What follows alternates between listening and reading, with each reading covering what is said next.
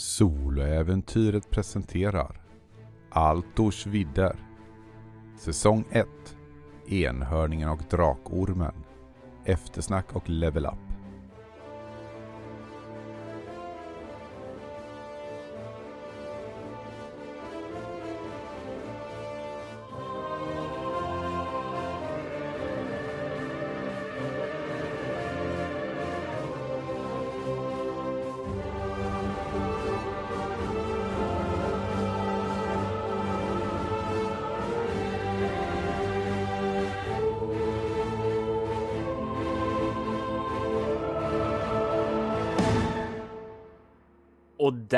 Här så wrappar vi den sista spelmötet för dig Jörgen. Och som vi brukar göra efter direkt efter vi spelar så tänkte jag att vi skulle ta ett eftersnack. Eller det var i alla fall vad jag hade tänkt att säga. För när vi slutade din eh, sista avsnitt, ditt sista avsnitt Jörgen, så var klockan långt efter 11 och snart midnatt och eftersom vi spelade in på söndag så kände jag att vi kanske kan skjuta det här eh, så vi båda var någorlunda pigga och friska morgonen efter.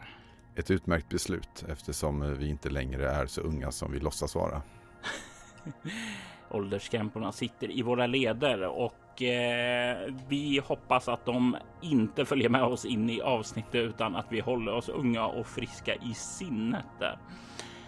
Men det kanske passar väldigt, väldigt väl för dig Jörgen att känna av de här krämporna när du spelar en så gammal ärrad man som Kazim.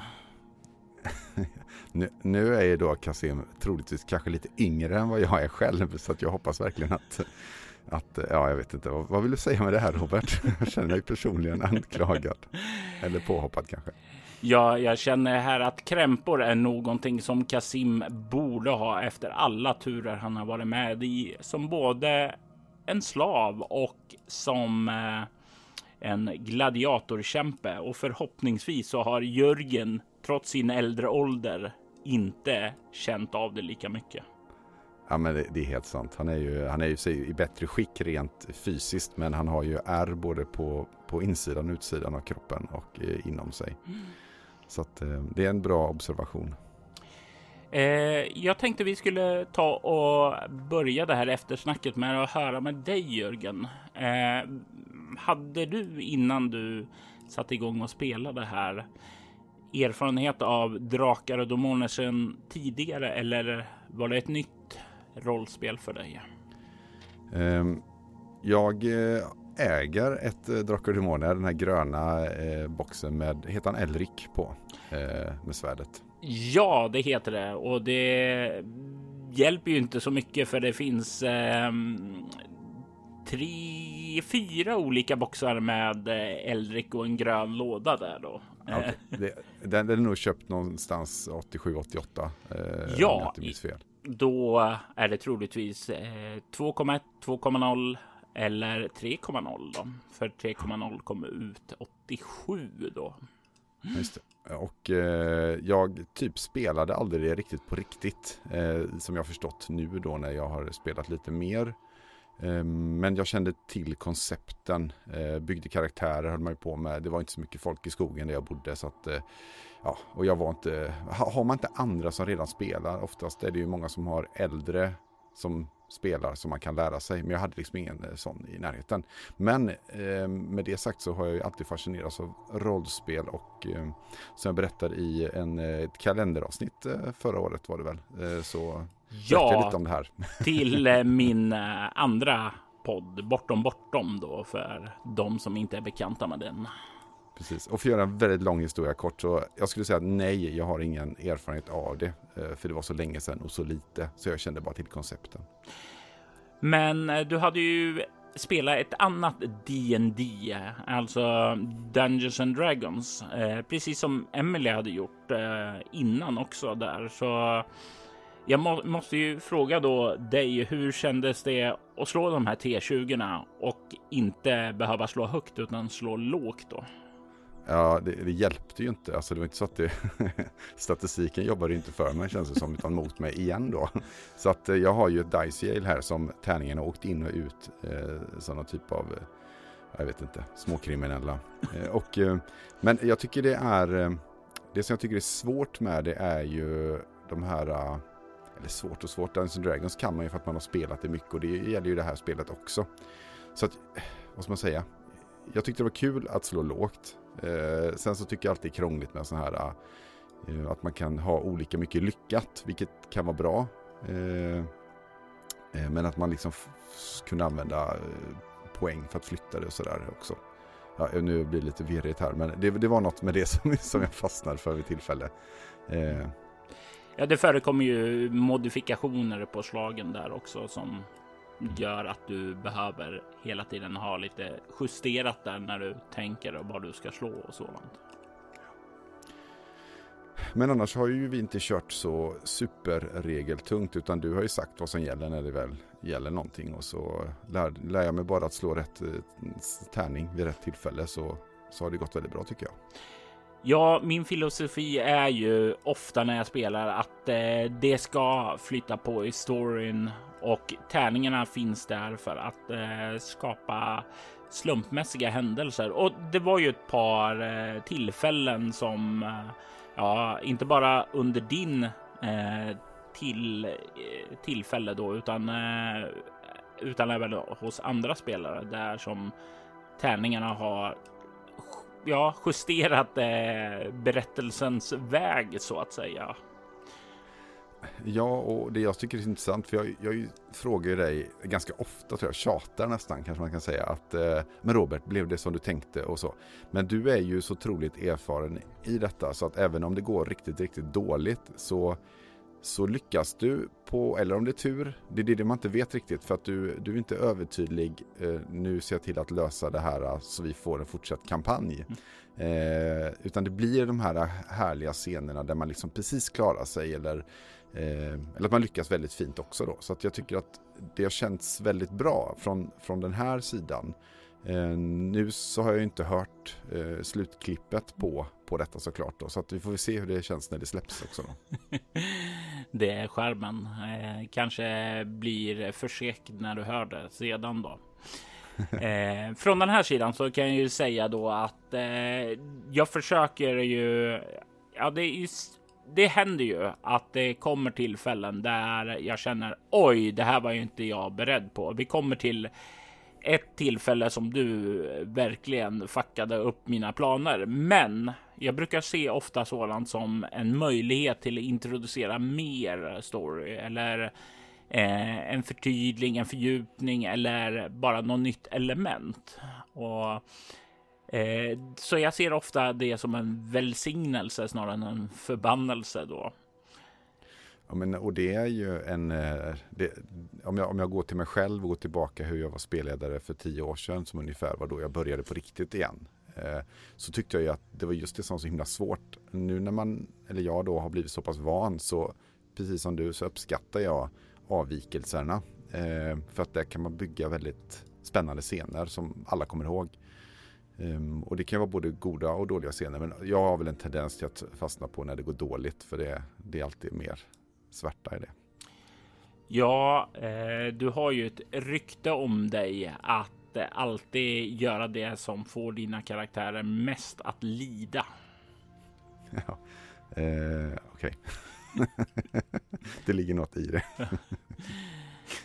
Men är det så att du har en, en situation som eh, du eh, absolut inte var beredd på och som är intressant att tala om nu när, när alla har lyssnat igenom hela kampanjen. Mm, jag, jag tänker vi kommer till den ja, lite senare, för jag tänker vi gör en liten recap av din resa här framöver då och hur du kände inför olika moment och sådant där. Vad härligt. Det känns som att du har förberett dig.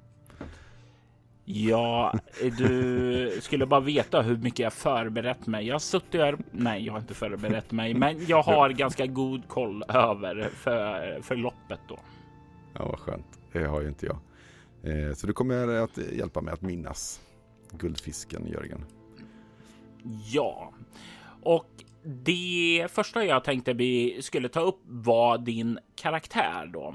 Ehm, för eh, i fallet med Ogmund eh, så skapar ju Andreas konceptet själv.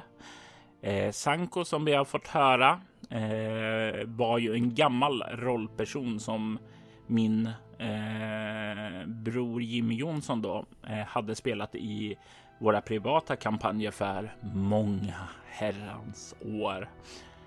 Och sedan så hade vi Liella som var baserad på en eh, spelledarperson i enhörningszoner som jag tweakade ut. Eh, så det är ju lite olika hur de tidigare karaktärerna eh, har varit. Eh, men du skapade Kasims koncept helt själv. Ja, alltså det, det, jag ska inte ta så all cred för det, för det är ju, även om jag har hittat på massa saker och bakgrund också, så att har du ju ändå guidat mig i vilken typ av karaktär och så har jag ställt mot, alltså vi har ju bollat ganska eh, för att det ska bli jättebra. Men jag kan ta på mig att jag har hittat på ganska mycket. så, men eh, det, det, det jag gillar med den här karaktären är att den har blivit en eh, den känns som att den hör hemma i världen när jag har rört mig i den efteråt. Eh, och det, det betyder väldigt mycket för mig som spelare. Eh, och det hade jag inte kunnat klara själv eftersom jag hade då så dålig koll på den här världen. Eh, eh Altor och eh, eh, ja, systemet i sig då. För mig är systemet så pass viktigt när det gäller eh, vad man kan göra i det och vad man kan göra i det reflekteras lite grann på hur jag tänker runt när jag skapar karaktären. Eh, vad var med om i barndomen när han har varit eh, fånga, alla de här bitarna, liksom hur det påverkat honom då. Så, så kanske det är för alla, men ja, tänkte jag säga hur jag tänker i alla fall. Eh, det har ju varit som så att eh, du har ju kommit på de stora bitarna själv, till exempel eh, det här med att eh, du var slav som har kämpat dig fri. Mm. och, och att du arbetade på sjön. Och eh, sedan saker som inte har gått in så djupt på, men som har omnämnts ändå, till exempel att du har en syster Precis, och jag skrev ju faktiskt och den kan man ju, jag vet inte om vi har publicerat bakgrundshistorien som jag skrivit, den där kan man ju lägga ut någon gång kanske om någon är intresserad. Mm. Eh, för att jag var tvungen att ha någon typ från 0 till år 42 då som jag uppenbarligen var 42 år gammal, det hade jag faktiskt glömt att det var exakt det. Eh, och min syster då, Alora, eh, betyder ju väldigt mycket för mig och hon dyker upp liksom i mina tankar under, under spelets gång. Um, av och till. Um, och det var ju för att vi blev ju ensamma väldigt tidigt. Föräldrarna uh, ja, blev mördade helt enkelt. Och uh, hon var äldre än mig, tio år äldre. Och uh, hon var ju den som blev min nya ja, vårdnadshavare eller förälder egentligen då. Som betyder extremt mycket för mig. Men vi skildes åt och har inte setts på väldigt många år nu då. Mm. Och det som jag känner att jag bidrog med till karaktären var väl mest att jag skapade den regelmässigt utifrån det koncept som du började forma då. Precis, för jag minns inte riktigt, det kan man se i någon gammal chattlogg, men att vi det just blev gladiator och de bitarna. Eh, men att jag ville vara en, en eh, fighter, höll på att säga, men någon typ av krigare var ju, var ju relevant för själva eh, kampanjen. Eh, eh och jag tycker det är kul att spela en, en sån karaktär för jag brukar envisas med att spela lite så krångliga magiker och sånt där just för att då måste man lära sig massa regler, vilket är bra eftersom jag spelleder ofta.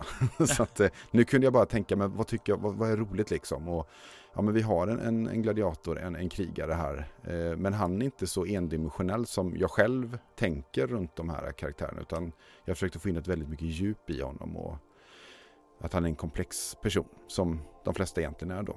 Och det tror jag du lyckades med att göra för läs lyssnarna redan innan eh, vi började med Kasims ark. För du gjorde ju ett gästinhopp i Lielas ark också.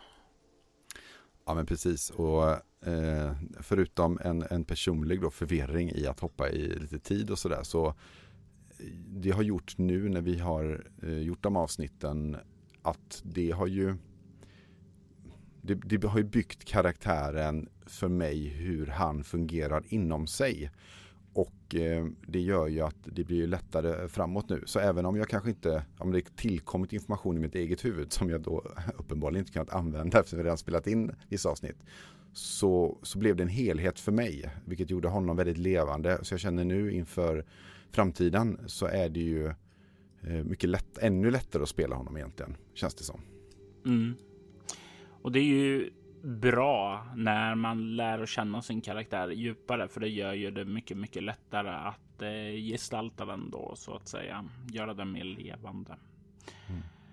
Eh, men det var ju någonting som eh, kom in lite senare, för vi börjar ju ganska jordnära med att du eh, i själva introt fick höra att du har lämnat Lela. För vi visste ju då redan att du skulle spela tillsammans med Lela. Eh, även om inte du som spelare visste exakt vad det innebar så var det ju känsla att du var själv nu och var på väg någonstans och eh, du såg ju det här anslaget. Det söktes krigare och sådant där. Eh, och vipp, snipp snapp slut så tog du värmning och det blev ju inledningen till själva äventyret. Drakormen och enhörningen då.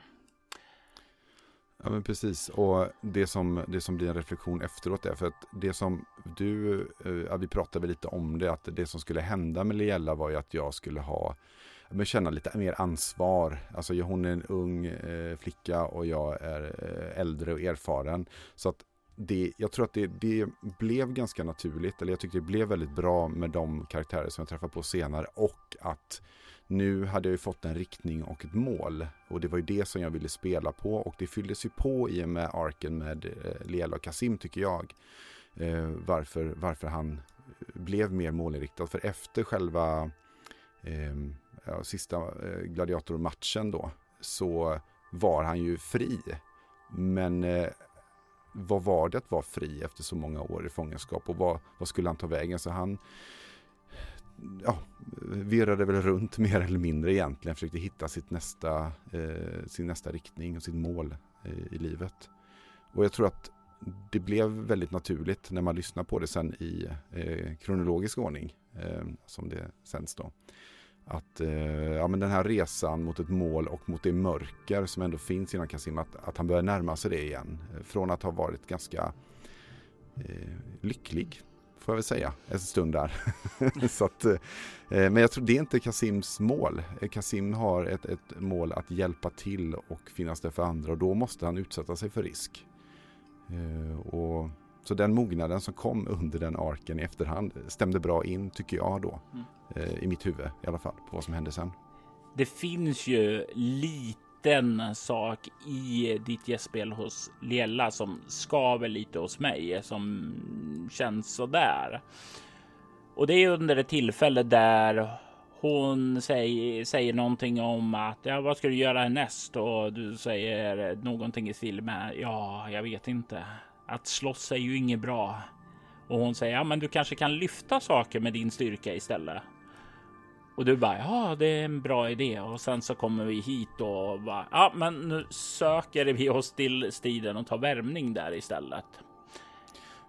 Jo, men jag, jag, ser inte att det är ett jätteproblem för att han söker ju efter utvägar och vill ju eh, vill ju liksom göra någonting annat. Men så trillar han ju dit igen. Det är lite som med någon typ av eh, han trillar tillbaka i sitt, i sitt gamla med nya erfarenheter och kanske en, en, en förståelse för sin person mer då. Och eh, det, det som skulle kunna blivit eh, det här lyckliga då, slutet med att han kanske tog, började jobba på båt eller i en hamn och eh, jobbade med kroppen, vilket skulle gått jättebra. Ehm, ja, det fanns något annat. Där skulle han inte kunna hjälpa tillräckligt många. Där skulle han inte kunna hitta tillbaka. Och det ska vi igen också att hans syster är ju, vill han ju hitta igen. Eh, han vet ju inte ens om hon är vid liv. Det kan han ju vara.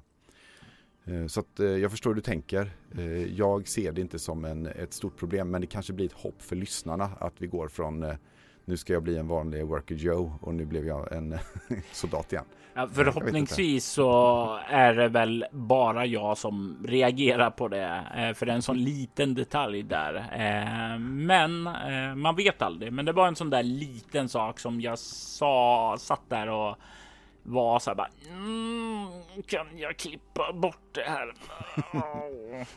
Men jag gjorde inte det för jag tyckte det var fint i stunden där i alla fall. Men var det inte så att detta hände innan eh, när vi kom, det hände innan vi kom tillbaka till Hebanon, den diskussionen? Det var det, ja. Ja, och i Hebanon så blev det ju eh, stökigt igen. Eh, och jag tror att där liksom, nu sa vi inte det och det, det, det känns som en efterkonstruktion när jag säger det själv. Men det skulle ju ha format eh, Kasims, liksom det här urgencyn att det finns fortfarande onda personer och eh, Liella var ju en stor risk, i en stor risk där och hon skulle göra vidare sin resa så att jag tror att det är Nej, han kunde inte bara ge upp helt enkelt, även om vi inte spelade på det då. Mm. Nej, men det var lite skoj där bara att ta upp det och se, se där hur du tänker också där. Eh, för eh, det går ju att motivera alltid fram och tillbaka där, men det var något mm. som jag reagerar på. Mm. Det ska bli kul att höra det i kontexten sen också faktiskt vidare. Mm. Mm. Eh, men i själva den här staden, om vi återvänder till det, Lindaros, så tog du ju värmning och du träffade en ny skyddsling där. Ja, men precis. Föll hans namn bort, vad pinsamt. Narl heter Tack, han. Tack Narl, ja. Han betyder väldigt mycket för mig. Eh, jo men en, en väldigt spännande sak där, när vi, det var ju typ avsnitt två vi spelade in i ordning det, tror jag. Vi... Nej, det var avsnitt ett, för avsnitt två var Flashbacken. Just det, så det var till och med så illa så att ni som lyssnar då på avsnitt eh, när jag kommer till eh, Lindaros eh, eh, så kände jag att jag blev en väldigt sån här, här kommer en musklig kar, han ska bli soldat, han ska ut och dricka alkohol, för det var ju en sån härlig scen när Nal skulle ta med mig till en källare där. Jag kunde få tag i lite eh, jättestarkt vin. Eh, och jag kände att Um, hur, hur, det, det, liksom, det, var inte riktigt det som jag hade tänkt med den här karaktären på något sätt men det kändes väldigt naturligt. Och, och i, i skenet av den härliga arken jag hade med Liella och min resa ner mot mörkret igen så blev det väldigt bra nu i mitt huvud men jag vet ju inte hur det håller ihop spelmässigt sen då. För jag har inte lyssnat på det ändå kan jag avslöja då. Uh. Mm. Och vid det här tillfället hade ju inte du heller spelat med Lela, så det var ju den här lite den här väktarrollen du tog. Ja, jag ska beskydda honom. Jag ska se till att han inte dör. Spoiler gick så jävla bra med det. Eh, men... Det, det, där, det där lägger jag faktiskt hos SL. Jag tyckte att jag faktiskt skötte mig ganska bra. Jag lämnade honom obevakad ett ögonblick och då slog det till. Eh, vi kan komma lite längre fram till ja. det sen.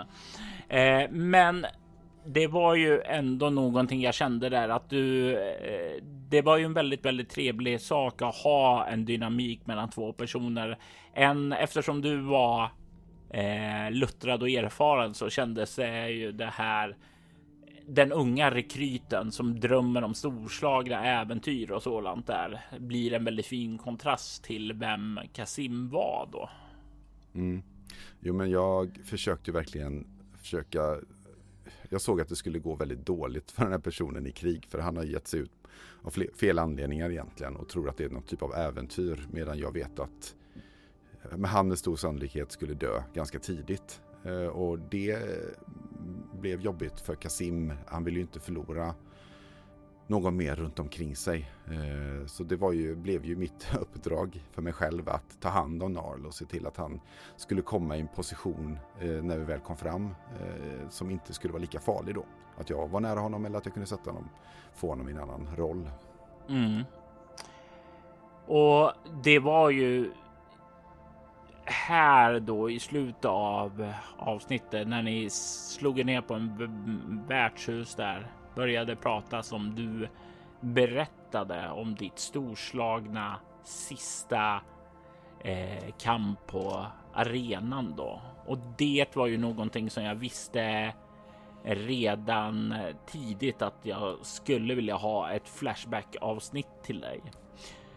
Den här gladiator Striden var ju en del ifrån enhörningshornet. Det på, pågick ju ett så här gladiatorspel när Ogmund reste därigenom. Och eh, jag fick aldrig chansen att visa upp det eh, då, så då visste jag att ja, men jag vill visa upp det någonting eh, när du nu eh, trots att inte jag var särskilt pepp på det valde gladiator. Eh, men det blev ju så perfekt då att bara introducerade det där och då för dig. Ja, men precis. Och eh, det är väl det jag gillar när jag har lyssnat på, på Ogmund-arken. så, så känns det lite grann som att jag visste ju vad som... Hur, alltså, jag hade en, en känsla för eh, världen. För det är väl, ja, detta, ja precis. Alltså det är så svårt att veta om man lyssnar för innan. Men det känns som att jag kände till Hebanon lite grann. Och eh, det, ja, det återkommer ju karaktärer, vilket jag tycker du gör väldigt trevligt. Binder ihop den här världen och inte bara blir lösryckta fragment. Utan just den här striden var ju väldigt spännande också. Mm. det gick inte så bra i början. Nej, och det, var, och det här är ju en utmaning också. För är det någonting som brukar vara universellt eh, accepterat bland poddlyssnare är ju att strid är tråkigt att lyssna på. Så hur gör man då när man kommer i en situation där med gladiatorkamp? Eh, min tanke var ju då att eh, det finns ju en del småscener däremellan som man kan spela upp och bygga insatser inför de här kommande striderna.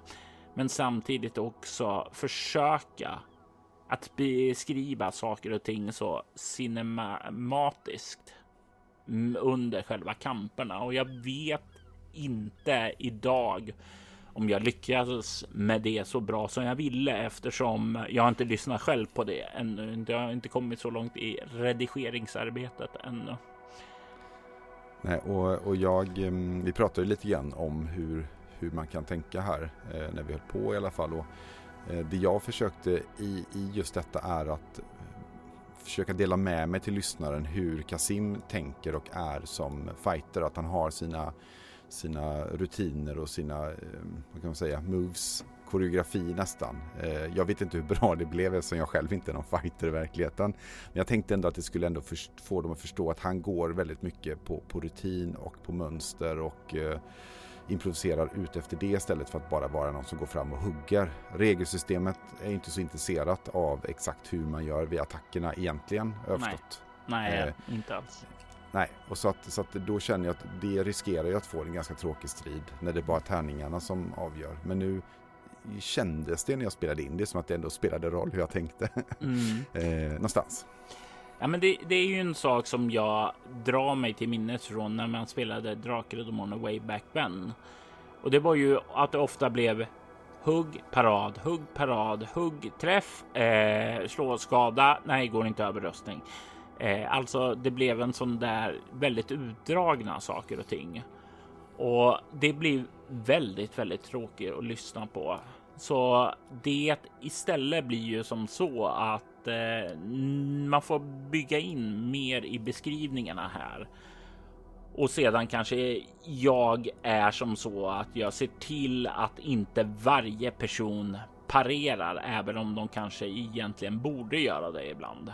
Därför jag tycker det blir en dålig pingpong grej där. Mm.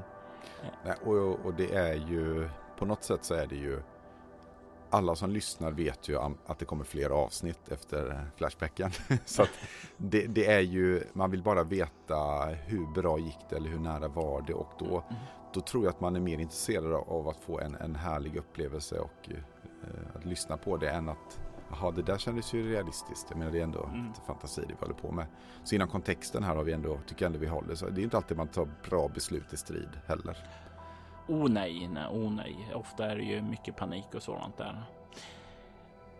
Men det blev rätt mycket panik när du ställdes mot en stor minotaur där som kallades för Hugle. Ja, den, det var nära ögat. jag vet inte om du, om du fudgade något med tärningarna eller om det bara var tur liksom. Det kanske du berättar i podd för då jo. du rykte om The Fudger. jag kan berätta att jag fudgade inte. jag brukar försöka undvika att eh, justera tärningarna av den enkla anledningen att eh, om jag börjar göra det, då behöver jag inte slå egentligen. Mm. Eh, för då blir det ointressant där. Det hade ju gjort mitt liv mycket, mycket mer intressant om du hade dött i den här tillbakablicken då, eh, för det hade satt allting i ett nytt ljus. Eh, men eh, det, här, det, det, är ju som så att eh, där hade jag ju blivit tvungen att eh, verkligen komma på ett skäl. Men hur kom det tillbaka? Eh, vi kommer återvända till den här saken dock lite längre fram då. Eh, eftersom det faktiskt finns planer för dig kring det där då. Eh, där andra personer kanske skulle ha varit lite mer döda i din situation. Men det här är också en cameo från en av mina gamla kampanjer. Den här minotauren Hugle var ju en gammal rollperson som en av mina spelare Martin hade i en av våra kampanjer. Och lustigt nog just den kampanjen som du kommer att börja spela i nästa säsong nämligen den niländska reningen. Då. Du menar att, att uh, ni har spelat den med eh, så jag kommer återse Hugle menar du? Nej, eh, jag kommer att bryta loss honom från den kontinuiteten. Men mm. det är en sån där liten skoj grej ändå. Du ser hur bra det går för dig gentemot honom. För han gentemot vad det gick för honom i kampanjen. Mm. Ja men det, det, tycker jag, det är, liksom, det, det, är klart att det blir väldigt internt för dig mm. och så. Men det som, det som det gör är att när det finns färdiga, det är ju samma sak med Sanko Anka. Liksom att det, när, det, när det finns en, en, en, en story bakom så du som spelledare gissar jag då har en, en bild som blir lättare att, att eh, spela ut de här karaktärerna eller fylla dem med bakgrund ifall spelaren saknar då. Och det är ju exakt det som det gör. Eh, så du har ju helt rätt i din antagande. Det blir ju någonting som jag har väldigt klara, tydliga bilder om denna. Så om det kommer in en oväntad situation så går det väldigt lätt att eh, bygga vidare på det eftersom jag känner karaktären och inte behöver hitta på den från grunden på stående fot. Men apropå hitta på karaktärer på stående fötter. Du träffade ju några sådana som jag hittade på på stående fötter när jag spelade med Andreas, eh, det vill säga Ogmund, nämligen Griff och Gruff. Är det därför de har så otroligt bra genomtänkta namn? Oh ja, det är exakt det. Jag, jag behövde namn snabbt och jag är inte bra på att komma på namn och Griff och Gruff var eh, den första som hoppade upp. Jag tror jag hade så här piff och puff eh, i mitt huvud när de dök upp då och sen bara nej, det kan jag inte döpa dem till och då blev det eh, Griff och Gruff. Eh, Men det, det, som är intressant är ju att, att eh, jag, menar, jag, jag, vet ju att, jag vet inte om du har nämnt det eller att vi har pratat om det och det är fort, de, är, de, de har ju blivit sådana otroligt bra karaktärer så att namnen är skitbra på dem. Så att det Förstår du vad jag menar? Mm. Någonstans finns det den enkelheten i det här som känns så här, men det här känns ju liksom lite, lite snabbt kanske.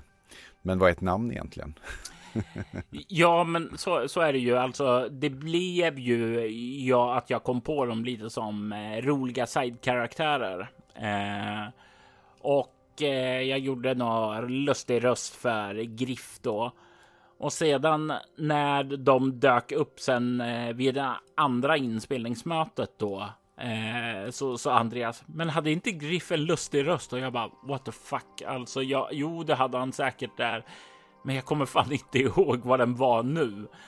Eh, och det var först när jag gick tillbaka då och lyssnade när jag redigerade som jag fann den här rösten. Det var ju inte någonting som jag hade tänkt på då, att det här skulle bli karaktärer som återkom, utan det var någonting som Andreas eh, gillade och tyckte funkade bra. Eh, så då tänkte jag, ja, men då använder jag dem igen.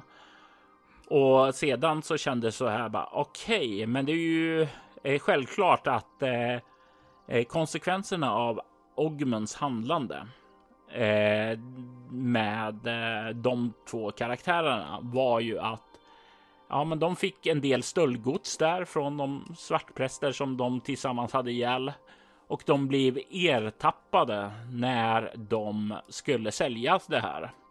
Och deras eh, straff blev ju att tävla på gladiatorarenan då för att bli fria. Och eh, jag ska tacka Andreas för det, för det gick ju väldigt, det var väldigt svårt när vi mötte dem sen då. Mm. Ja, för du fick ju ställas i strid mot den där, eh, den tusende striden då. Mm. Och jag vet inte hur du kände, om du kände att du skulle få ännu en svår strid där. För jag ville ju bygga upp det så mycket att det skulle kännas nu jäklar kommer du få svetta bara för att rycka undan mattan sen och låta dem säga nej, vi tänker inte slåss. Jo, men det var, det var, jag, jag, det blev precis det här antiklimaxkänslan samtidigt som en puh.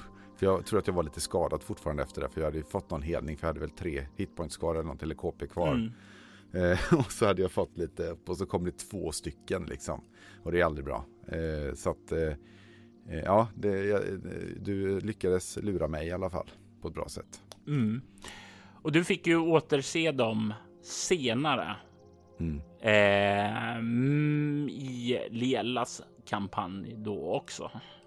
Ja, och det, det hade jag ju faktiskt inte eh, tänkt på faktiskt eh, då. Jag var inte, kände inte att jag var riktigt med på det. Eh, vad, jag, vad jag minns nu i alla fall. Så det var häftigt, tycker jag. Mm. Och det är ju återigen någonting där som jag tycker är skojigt med världsbygge. Där när karaktärer återkommer där. Hur eh, Ogmund stöter på dem och hyr dem för att stoppa svartpräster, vilket leder till att de får kämpa på gladiatorarenan där de möter dig och i princip hjälper dig att bli en fri man. Mm. Och sedan när du återvänder dit med Liella så har de liksom brutit sig in där först och gjort det till sitt hem eftersom den här arenan inte används annars under annat än under gladiatorstriden då. Och då så stöter ni på varandra igen. Mm. Kärt återseende. eh, men de här röda trådarna är sådant jag försöker odla då genom allting för att skapa en starkare världskänsla. Men det här var ju som sagt var bara en flashback. Du kom ju sedan till Hynsolge för att eh, ställa dig på den nya arméns sida och kämpa i ja, kämpa på rebellernas sida för att stödja upproret mot de hemska baronerna och allt det annat som är fel med Hynsolke. Och enhörningen och drakormen är ju ett av de två introduktionsäventyrerna eh, som följer med Erebaltor boxen då. Och det här är ett eh, scenario som jag alltid har känt passar väldigt, väldigt bra som ingång till helvetesfortet som inleder den nidländska reningen. Och det var ju det som jag ville ha här också, att det skulle fungera som ett introduktionsäventyr.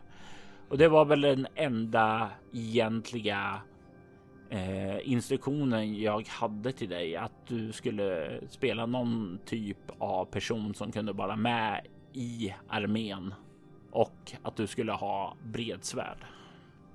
Ja, men precis. Och det jag tyckte var så intressant var att jag hade inte en susning om att det skulle bli en typ av eh, Eh, äventyr det blev. Jag var ju väldigt inställd på någon typ av eh, strid, alltså eh, typ stora fältslagsaktiviteter på något sätt.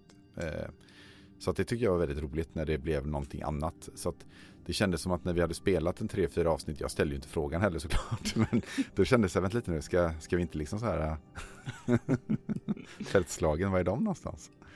Men det gjorde ju absolut ingenting.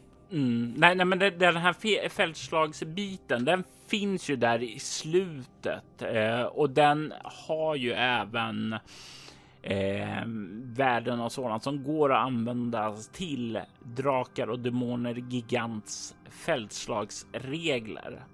Och det är ju någonting som skildrar större slag och sådant där, eh, där inte enskilda personer då avgör öden, utan då har man nipplar och enheter och trupper och så vidare och så vidare. Men det är inte där egentligen som jag känner att dramat finns, utan det är ju det som du upplevde. Det andra är ju mer ett eh, scenarie, eh, alltså en kuliss där allting annat utspelar sig emot. Ja, precis. Och eh, det var ju en uppbyggnad när vi tog oss hit. Eh, vi kom eh, utanför Gråborg och att vara en del av ett större sammanhang, vilket både jag och Kasim tyckte var väldigt tryggt och skönt. Eh, att jag, du målade upp lite olika karaktärer, mina befäl och eh, som jag vet att men nu, nu har jag någon jag kan fråga om saker eller jag kan få vägledning. Jag kunde rätta in mig i ledet och både jag och Kasim tyckte uppenbarligen att det var väldigt trevligt då. Så att när det sedan blev lite mer fri form då var man tvungen att vara kreativ igen. Det var en, så det var ett skifte där. Det var något, något, jag vet inte om det bara var det första avsnittet eller när det väl hände konstiga grejer sen som, som det skiftade i mitt huvud igen då. Att amen, Kasim får inte vara den här soldaten som bara slåss. Han, han är någonting mer. Um, och det kan han inte, hans öde kan han inte fly från själv på något sätt. Mm. Och det blev ju det att eh, du kom dit och du tog dig till eh, den dö döda tuppen då. Eh, och såg ju de första sakerna där eh, som hände, nämligen i synnerhet det här brevet som du fångade upp. Mm. Och i början så var det ju lite grann på att eh, ja, men jag ska lämna tillbaka det här brevet. Du glömde det visst. Eh, vilket eh, äventyret, om vi säger så här, är mera skrivet som att man ska inte göra utan du ska fånga upp det, kolla på det och ana oråd. Mm. Du var ju lite grann kändes det mer som här, lämna tillbaka. Jag vill inte kolla på det. Nej men absolut och, och eh, det är ju det som eh, Kasim är, är någonstans en väldigt ärlig person. Han är ju han är, är ju god på det sättet att eh, han vet, han, han, han ser skillnad på mitt och ditt. och ett sånt här viktigt brev som någon har glömt. Eh, även om jag vet att det var lite virrigt där med vinglas och eh, fram och tillbaka. Så eh, så var det ändå så att det, här, och, och jag och Kasim hade ju inte koll på den stora konflikten och vem som var vem eh, riktigt än då. Mm. Eh, så att första, första intrycket är att oj, här är ju något viktigt som någon har glömt. Liksom. Det är någon, någon above my pay grade. Liksom. Eh, eh, och ännu en respekt för alla sidor på det här kriget kanske någonstans. Ändå. Jag vet inte om det nu skulle, om han nu skulle lista ut att det var en fiendebrev då så är det inte självklart att man bara liksom sprättar det hur som helst. Det är därför han tog det tillbaka sen då. Mm. Och upp i hierarkin. Så jag tyckte att det, det skiftet som blev där, det var ju också en, en till sak där Kasim liksom på något sätt drogs in i det mörka som pågår som man kanske då eh, naivt ville bortse från nu. Nu han var ju fri. Han skulle ju ha det bra nu. Vad är det för skit som kommer nu? Kan vi inte bara slåss? Måste det vara massa andra ränker också? Men det var väl någonstans där som jag kände att eh, du eh, blev den här som tog kontroll och gjorde saker igen istället för att eh, du satt i passagerarsätet då. Ja men precis, för jag, eh, det, det Kasim inte gillar är ju eh, inkompetenta befäl över honom. För han vet hur farligt det är i strid och det pratar vi också om. Eller är nog en, i någon scen där. Där jag aktivt eh, går över mina befäl. Eh, för att liksom reda i det här. Jag litar liksom inte på de här. Eh, alla de här, eller de som är över mig precis då. Så att, Plovan. Eh, Plovan precis. Han verkar vara mer snack än verkstad. Mm. Eh, så att, eh, nej, men det, det, har du rätt i och eh, sen så vet jag inte hur mycket så här, meta-Jörgen kommer in i det här och tänker ja men nu är det här är ju det här är en ark nu, nu hoppar vi in i den. Det, det, det är liksom den här, eh, vad man säger, fram och tillbaka. så här, ah, vad gör min karaktär, han gör det här och sen hur gör man en transition från nu är jag den här eh, goda soldaten till nu är jag en privatdeckare eh, på något sätt. Den, eh, eller specialagent då, den jag försökte få det att inte bli för fantastiskt utan eh, försöka hitta lite listiga sätt. Um, jag ja. försökte ju hjälpa till lite där när du väl kom till Otho då och eh, visa det här att han underlättade lite för det. För det är ju annars i själva scenariot att du ska hålla på att eh, göra krigslekar, krigsövningar och allting sånt där under förmiddagen och en bit på eftermiddagen så har du typ kvällarna ledigt då. Mm. Eh, men jag tänkte som så att det är mer intressant om du får en synbar demotion då, en nedgradering där, ett straff där. Mm. För det sätter ju dig i en sån här position där du egentligen har mer makt än vad det syns. Eh, du visar dig som eh, värdelös i dina befäls ögon, men egentligen så har du ju mer förtroende vad de har. Precis, och, och, just hela den, eh, den att, att ja, men straffa oss med vakt, eh, vakttjänst. Liksom. Om det, det, det, som, det som jag slets mellan där var, var det för smart för Kasim att komma på det? Men Eh, jag tror att detta är ju hans värld eh, och han vet hur det funkar. Han vet vilka risker han tar genom att ta den här, eh, den här liksom demotionen då, eller nedgraderingen av sin, eller straff då. Så att han är inte så lätt han, han bryr sig inte om det egentligen, så statusen, utan det är viktigt att det blir rätt. Så att, ja, men det, blev, det blev väldigt bra tror jag där och det gjorde att vi kunde då, som du säger, vi kunde flytta runt som vi ville istället och det kunde ju då få mer saker att hända som är kanske intressantare att höra för en lyssnare med än bara, ja men nu ska vi fäktas igen och så ska vi spola förbi det varje dag liksom för att jag, jag vet inte hur du hade löst det. och det är ju här också jag tänker vi ska komma tillbaka till Narl där, för eh, ni började ju prata runt och sen så tappade du bort Narl. Kommer du ihåg när och var? Tappade bort och tappade bort. Det, det var en sån random encounter eh, väg, väg, grej. eller det var en sån random encounter saker du hade tror jag. Eh, ish, rykten eller något sånt där. Eh, och då var det någonting som vi undersökte med en eh, krukmakarperson eh, som vi trodde var något skumt med då. Och då lämnade jag Nal obevakad utanför. Eh, jag vet inte om jag bad han göra något eller hur det var, men jag gick in själv i alla fall och så hade en ganska kul scen med den här uh, skulptören. Eh, eh, någon mask, vad hette han nu? eh, låt mig plocka fram boken där, för ja. det, är, det är ju som helt rätt det du säger. Det var ett eh, random encounter. Det var ett rykte som du kunde snappa upp där i stan. Jag, jag, låter dig ta dina anteckningar så behöver inte jag. Eh... Jag går och hämtar min perm. Jag kanske hinner före idag. Ska se här maskätare någonting. Jajamensan. Melker maskätare. Det är korrekt. Du vann. Ja. Men innan dess så eh, eh, Eh, jag vet inte hur viktig den var. Det kanske du vill prata om efteråt. För det var ju den här Fingalprästen också. Det var väl innan eh, jag slarvade bort Narl. Eh, Angus Grimtand. Eller var det bara det, var det stökiga jag försökte leta upp? som hade brevet, så det ville du glömma kanske? eh, ja, nej men alltså det, det är ju en hel del olika saker som finns utifrån det här brevet. Att du kan, eh, vad heter det, gräva vidare i olika spår utifrån den informationen som finns i brevet och vem som brevet skulle till och sådant. Och jag tänker mig att eh, du syftar på den här händelsen när du söker upp den här personen i dens hem och eh, farsan får se sin son ta livet av sig. Ja, precis. Eh, I det, I det ögonblicket så kändes det som en väldigt viktig scen, men det kanske det inte var. Jag vet inte.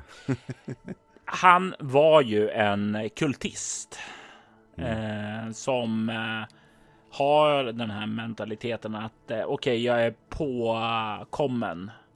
Jag får inte låta mig tas till fånga och förhöras. Därför tar jag mitt liv då. Och det är ju någonting som inte är helt nor normalt då, utan det är ju ett tecken på fanatism och att någonting verkligen är ruttet i Gråborg så att säga. Så det var ju någonting som eh, var ett vittne, en ledtråd till att eh, saker och ting stod, ja, att det var illa ställt här. Eh, och det är ju också någonting som uppmärksammas då av eh, stjärnlärans kultister då. Och indirekt det som triggar att de börjar kolla in i saker. Vilket då som sagt var leder till att personer som Narl försvinner när du inte har ögonen på dem. Precis. Men om jag ska lätta ditt eh, sinne lite Jörgen så vill jag ju också säga att det finns en metaperspektiv på det här. Och det är ju för att eh, det här var ju någon som du hade svurit att beskydda. Genom att plocka honom ifrån dig som konsekvens då av handlingarna så blir det ju okej. Okay, eh, vad gör jag nu? Den här jag skulle skydda är borta, försvunnen. Hur hanterar Kasim det här? Mm. Och det var ju någonting som föder drama och som jag ville sätta dig för för att se hur du skulle hantera det. Mm. Och det som är svårt här tycker jag är ju hur mycket kommer fram när man spelar. Hur mycket är, är det? För det kändes som det var mer misär inom mig än utanpå. För jag, för jag stålsatte ju mig och fortsatte den här eh, eftersökningen. Så att, eh, det är som intressant att höra när detta liksom minnena är, internt har försvunnit mer och mer om man hör den eh, liksom ytliga podden. om man säger så. För det var, det var jobbigt, alltså jag tyckte det var skitjobbigt och liksom eh, Sen så var det ju klart jobbigt att behöva ta hand om en person som bara liksom, kan han inte bara liksom ge upp det här och åka hem liksom? Varför är han här liksom? Den, det, det fanns en frustration i det och att, och att, få rätt då att han dör liksom. Det blir så här, äh, vad var det jag sa? Samtidigt som man blir ledsen. Alltså det är sådana här många intressanta känslor som Kasim eh, går igenom då. Det händer ju även en del saker här i eh, efteråt där som eh, leder vidare. Men det var ju en händelse som eh, ja, låt oss säga tog det till en högre nivå. Vet du vad jag syftar på då Jörgen? Minns du det? Eh, det är ju om du menar eh, hela Maurelin-grejen och Bolgove-templet och hennes kontakt med, eh, med Kasim i Aniak-templet. Nej, men Aniak-templet ja.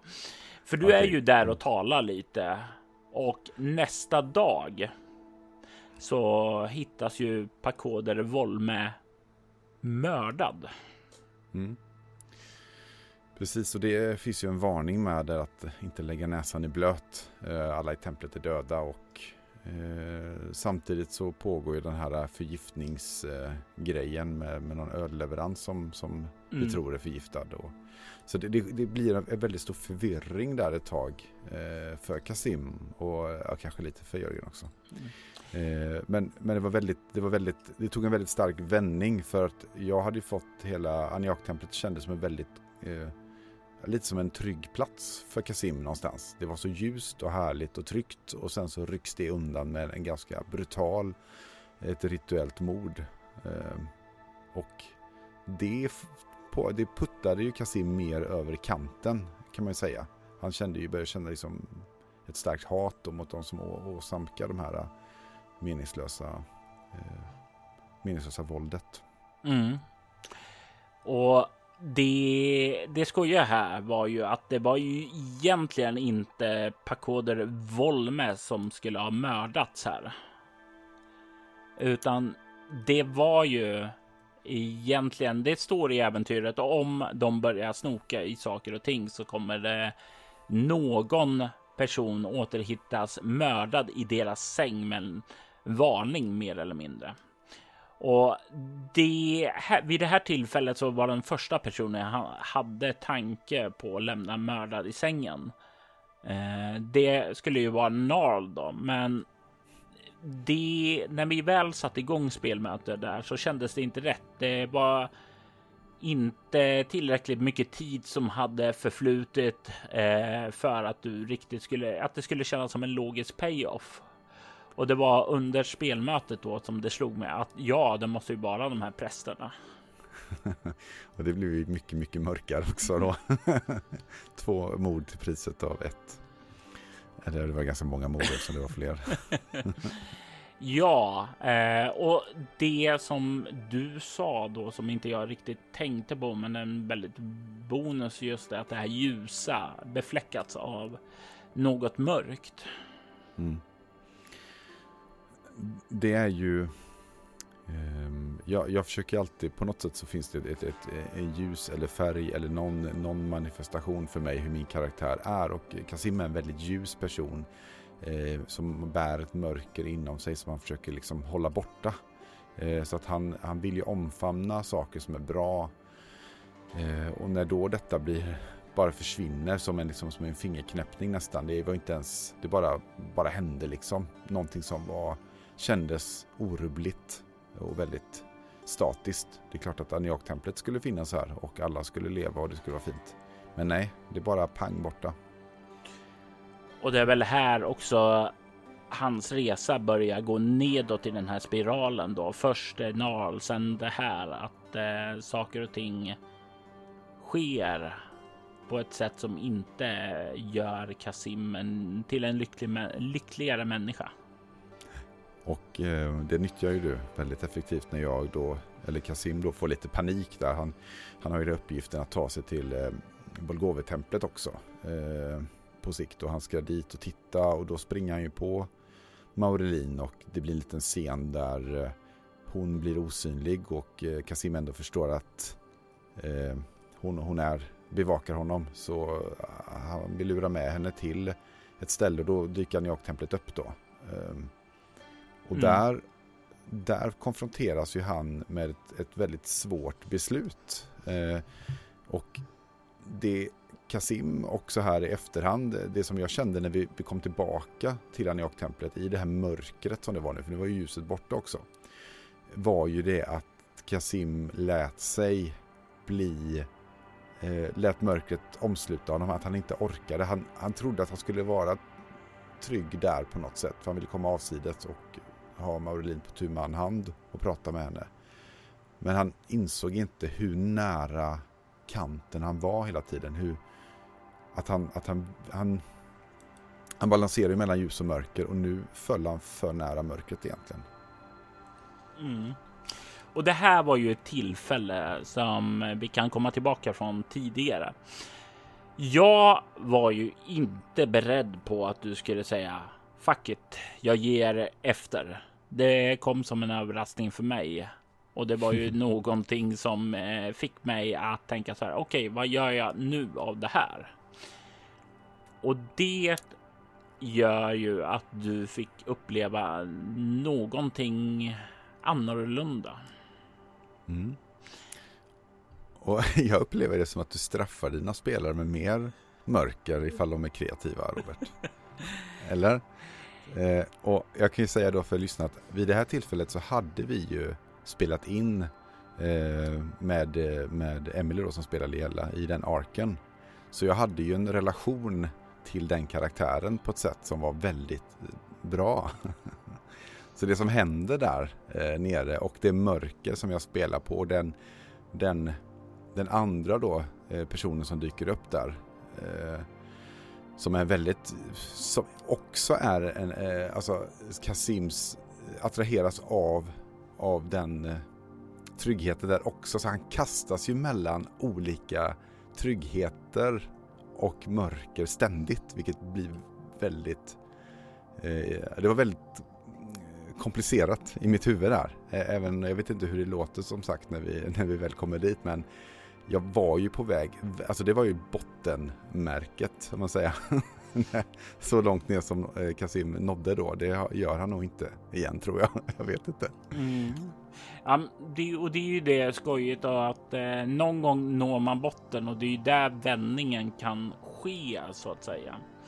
Eh, och eh, det, är ju, det här är ju inte gjort det, men det kommer ju att göras två dubbinsatser där. Eh, dels så har vi ju då eh, Emily Drott som gör Lelas röst, men så har vi även Agnes Rudbo som gör den trevliga tryggheten eh, Karaleja då eh, som den andra rösten.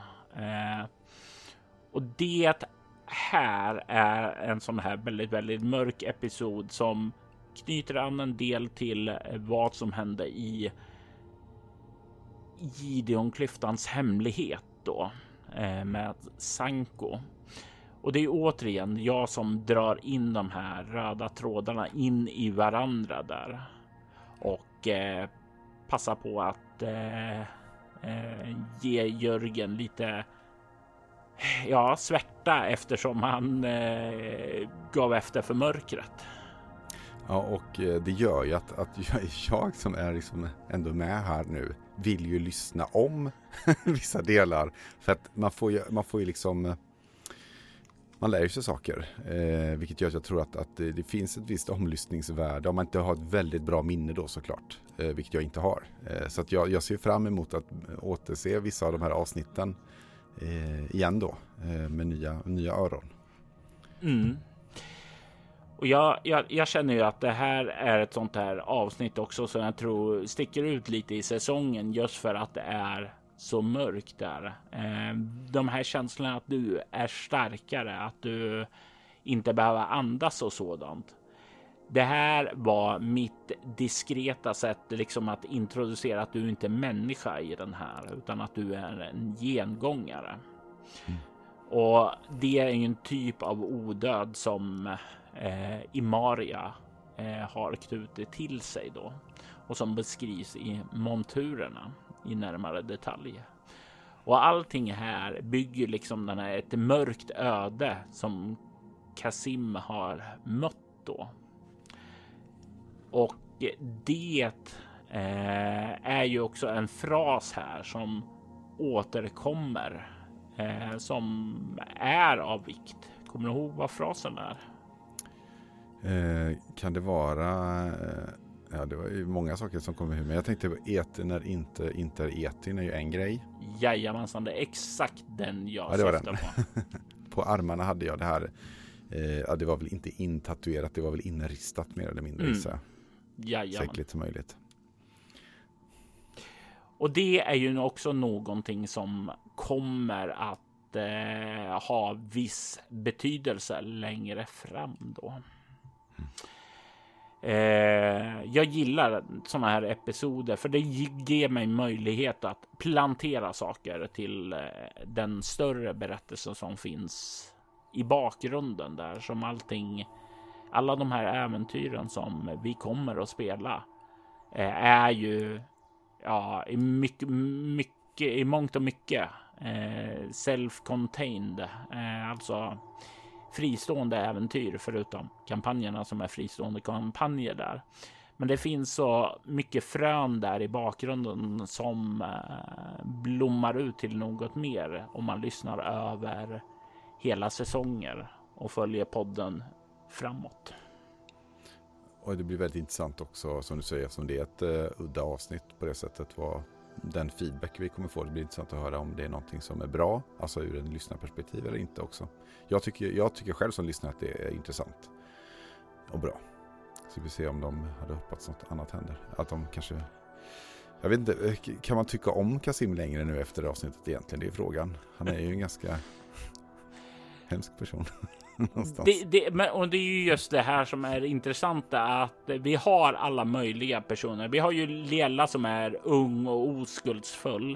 Eh, vi har Sanko som är väldigt så här klassisk heroisk och så har vi Ogmund som är liten ja, lite av eh, en eh, ung och lite uppfinningsrik eh, rackare där. Eh, alltså de, de, de, har sina egna arker, de har sina egna personligheter och om vi kommer då till dig då så har vi ju lite grann mer av den här ärrade veteranen som bär mycket skit med sig som bagage. Alltså den enda andra här i säsongen som kan mäta sig med dig på den vägen är ju Amara och Amara är ju en person som inte minns mycket av sitt förflutna.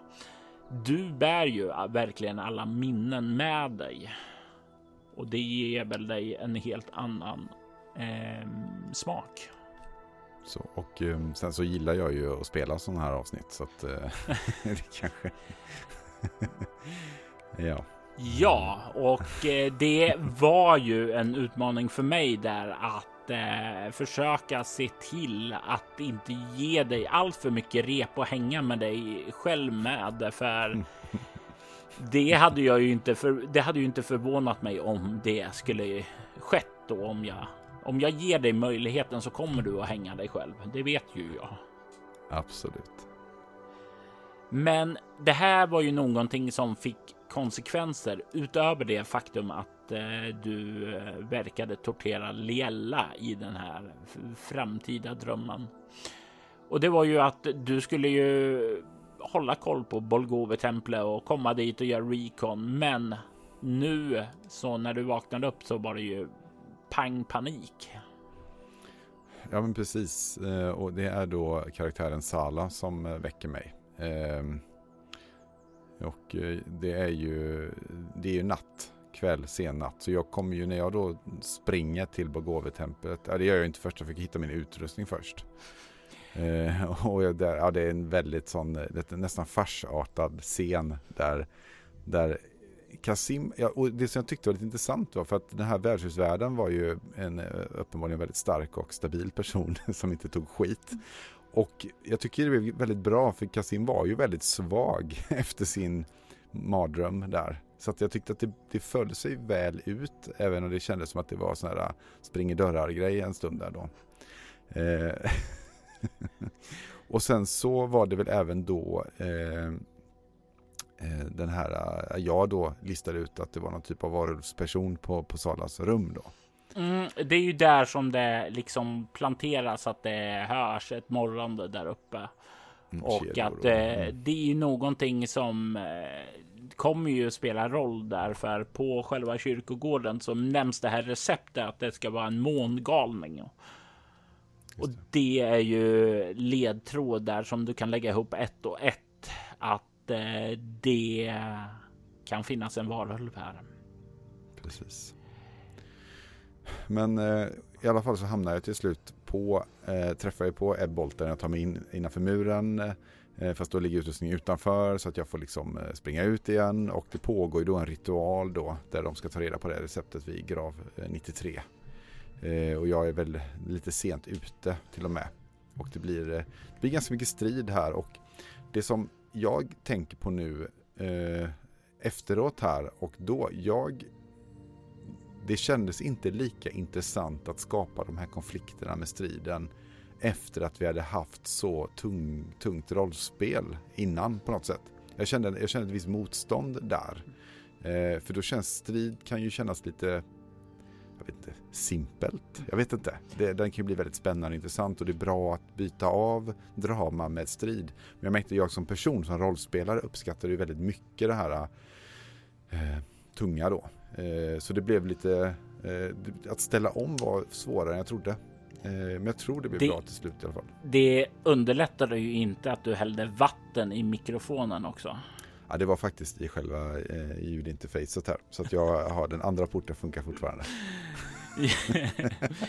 det här var ju det momentumet, alltså för det var ju lite rörigt under inspelningen. Jag tappade lite av mitt flyt här när Jörgen sa du vänta, jag måste kolla en sak. Alltså, det knastrar lite här och jag är ju van att det är jag som knastrar och att det är dålig uppkoppling och sådant där. Så jag tänker bara, ja, ja, men i work with this och sen så blir det ändå att man påverkas lite av det och sen blev det lite av och på där. Mm. Eh, jag, ah, jag, jag, vet, jag tycker att du, du gjorde det väldigt, alltså det jag hörde känner inte jag eh, att, det, att, det, att det blev sämre. Eh, jag vet inte hur det kunde blivit då, men såklart. Men det kändes inte som det, utan jag, jag, känner, jag skyller mer på om det inte blev topp. Att jag, jag var inte så sugen på strid på samma sätt som jag var när vi hade i gladiatorarenan eller andra scener som det var konflikt. Så var det här, eh, jag, var, jag, var så, jag var tvungen att, jag vet inte, jag var lite deppig med Kasim på något sätt du vet. Alltså han var på den mörka sidan, han behövde jobba upp sig lite grann. Det kändes så hopplöst allt, du vet. Den här härliga känslan. Ja, och, men det, det, är ju lite grann det här att striden och sådant eh, var så här i efterhand så skulle jag väl kanske ha låtit dig komma fram efter att allt det här hade gått upp och eh, antingen att du hade hittat ebboltar mördad och alla borta. Eh, bara för att förstärka ditt mörker ännu mer eller att han hade tagit hand om allting själv. Eh, så vi fick bort det. Men eh, nu gjorde inte jag det och jag tror jag tänkte då att eh, det här blir lite grann den här situationen. Du kommer därifrån med väldigt tungt och sådant. Och tror min tanke var att här har du möjlighet att avreagera dig. Eh, blue off som Steam så att säga. Mm. Men det skedde ju någonting här som kan komma att bli viktigt längre fram. Du lät ju nämligen Maurelin sticka och fly och överleva. Ja, eh, jag minns inte att det var att jag ville det, men, eh, men det blev väl så. du fokuserade på annat. Ja, så, jag kände att Ebbe Boltar har jag svikit lite för mycket och ja, jag ser ju lite upp till, till Ebbe Boltar och eh, han ser nog inte upp till Kasim precis med tanke på hur virrig och eh, oprofessionell han var. Så jag tror att den, den här soldatgemenskapen som han ändå känner med andra kämpar då, eller krigare, den är viktigare än, än det här Eh, det som är riktigt viktigt egentligen är ju den här stora arken men Kasim är ju inte den personen. Han är ju inte en superhjälte eller sån hjälte-epos-person. Han är en mm. enklare person, så han vill ju rädda dem runt, runt omkring sig. Vad han vet i alla fall. Eh, ja. ja, men. Men, men, han känner ju inte till det här övergripande då, utan det är ju någonting som inte existerar hos honom eh, heller. Så då är det ju lätt. Oh, då är det väldigt lätt att fokusera på det som faktiskt betyder någonting och det är väl rätt ur en karaktärsvinkel då. Och ur mitt perspektiv som spelledare så är det ju tacksamt för nu har jag den här att leka med. Det trodde inte jag att jag skulle ha att göra och det går att göra så mycket spännande saker nu. Varsågod. eh, det vi introducerar en annan sak här också, eh, nämligen att Kasim har en eh, vild magi, nämligen telepati. Mm. Och det är tanken som sagt var att om det är lite svårt att prata om det eftersom jag inte gjort det än, men jag har tanken att jag ska redigera det här på ett sätt som gör att det sticker ut lite och jag vet inte om eh, det har lyckats. Det vet ju ni mer än vad jag vet just nu eftersom ni har hört det innan det kommer fram hit. Eh, men det var också någonting som inte blev så bra som jag tänkte efter mycket på grund av att jag tappade flowet som jag kände det här med eh, hacket med eh, inspelningsutrustningen då. Eh, så jag vet inte, det här är väl det avsnittet du och jag var kanske minst nöjd med, men av helt olika anledningar. Ja, men precis. Ehm, så att, eh, ja men jag vet, du räddar ju allting i post här så att eh, jag är inte så orolig. Men sen, sen är det ju just den här eh, telepatförmågan, den har vi ju hållit väldigt dold ehm, medvetet. Att, och, och både för att Kasim ska, den ska liksom, eh, det är väl det jag gillar, att det ska inte vara så här jättetydligt eh, i alla de här Eh, alltså magin tycker jag funkar intressantare om den är subtil och eh, mer naturlig. Om det eh, verkar vettigt. Mm. Och skälet till att du fick vild magi var ju att när du skapade den här karaktären så slog du slag på särskilda förmågor. Och eh, du fick väl slå en eh, T100 på, ja, jag tror det var antingen om det var krigarens handbok eller grundreglerna för den ena och sedan ett slag på den i magins magikerns handbok. Och det är ju lite grann av skäl som inte du vet, men eh, som ligger i din eh, familj, din släkts bakgrund då också.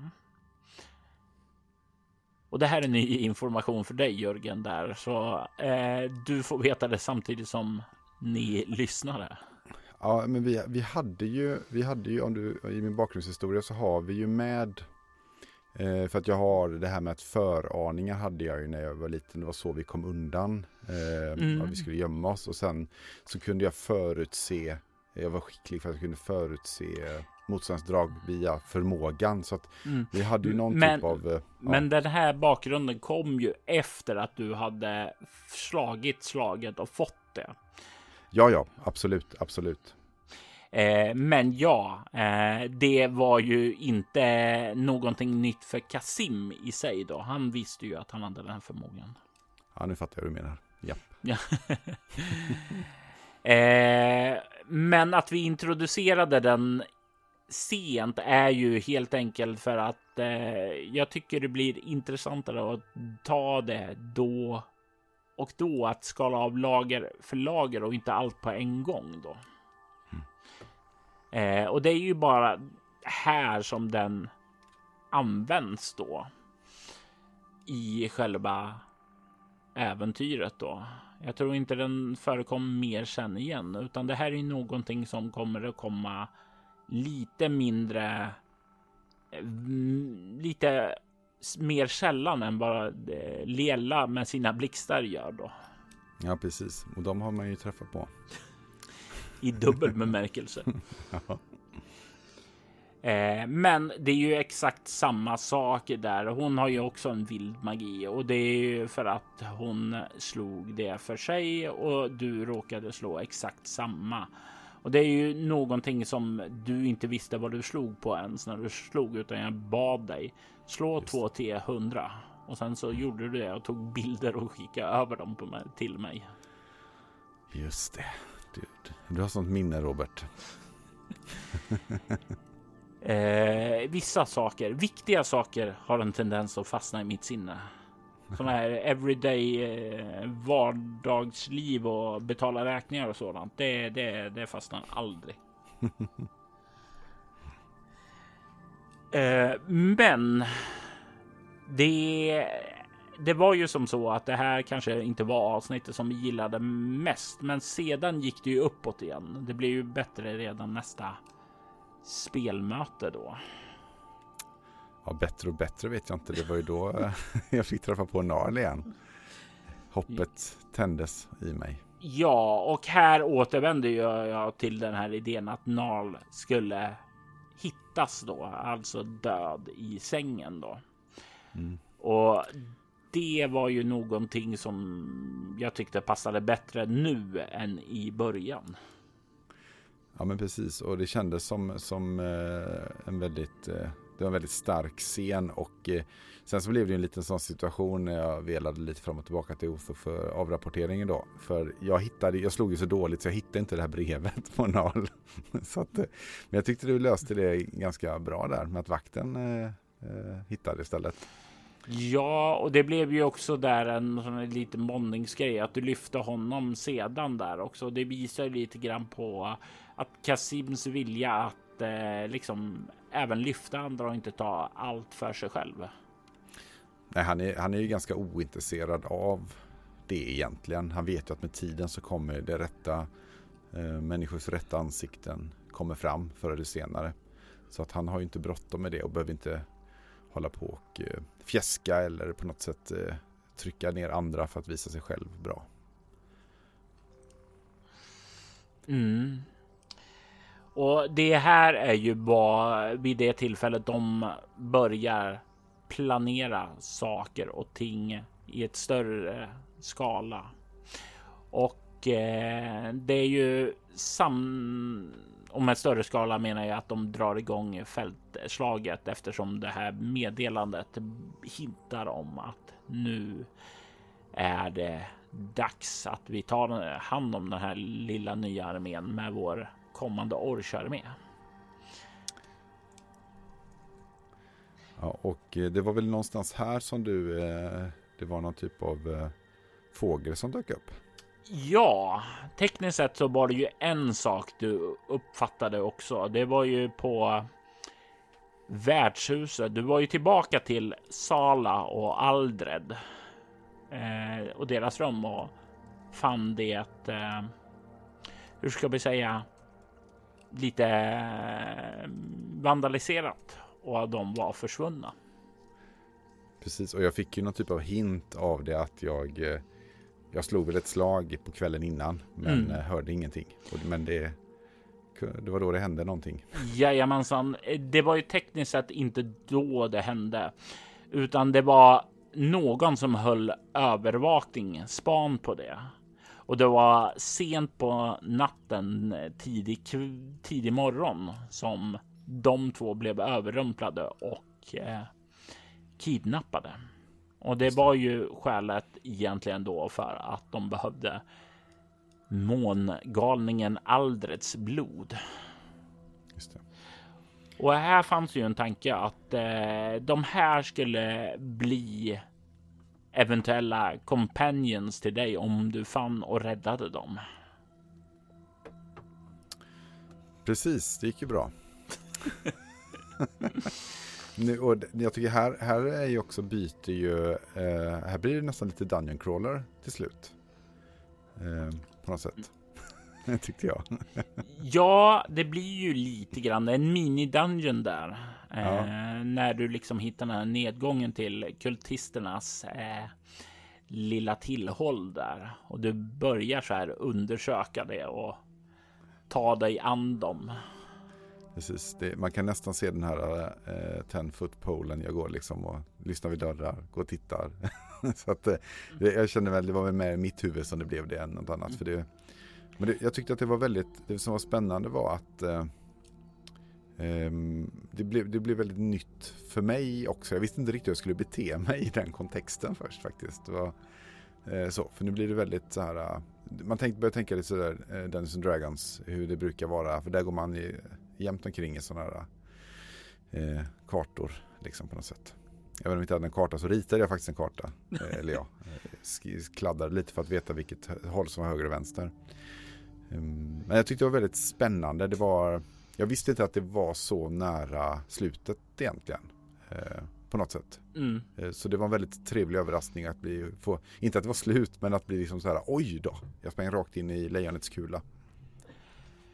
Ja, nej men precis. Och lite det här med du sa att du, det blev som en dungeon crawling. Jag gillar också när äventyr skiftar genre lite. Som sagt var, det börjar som ett krigsdrama, men utvecklar sig ganska snabbt till att bli ett detektivscenario för att sluta i en dungeon crawler.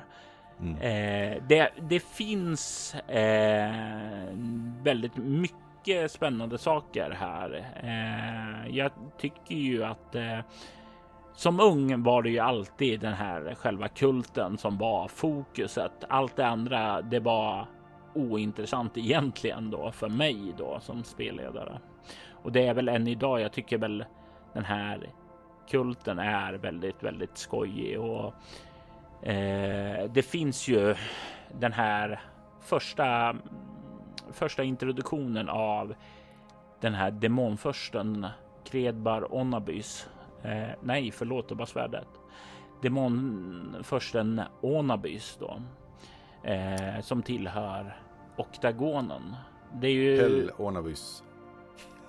Jajamensan, som det stod på dörren där. Eh, och det är ju någonting eh, som knyter an till Imaria som är en annan av demonförsten i oktagonen.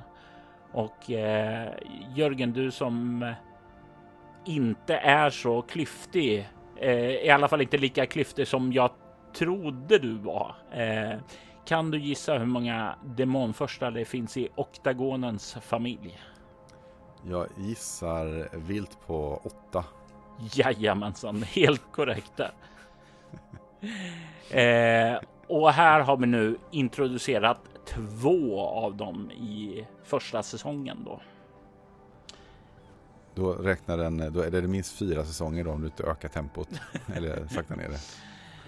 Eh, alla kommer väl inte komma så fort fram, men det finns definitivt andra som kommer vara relevanta där längre fram också.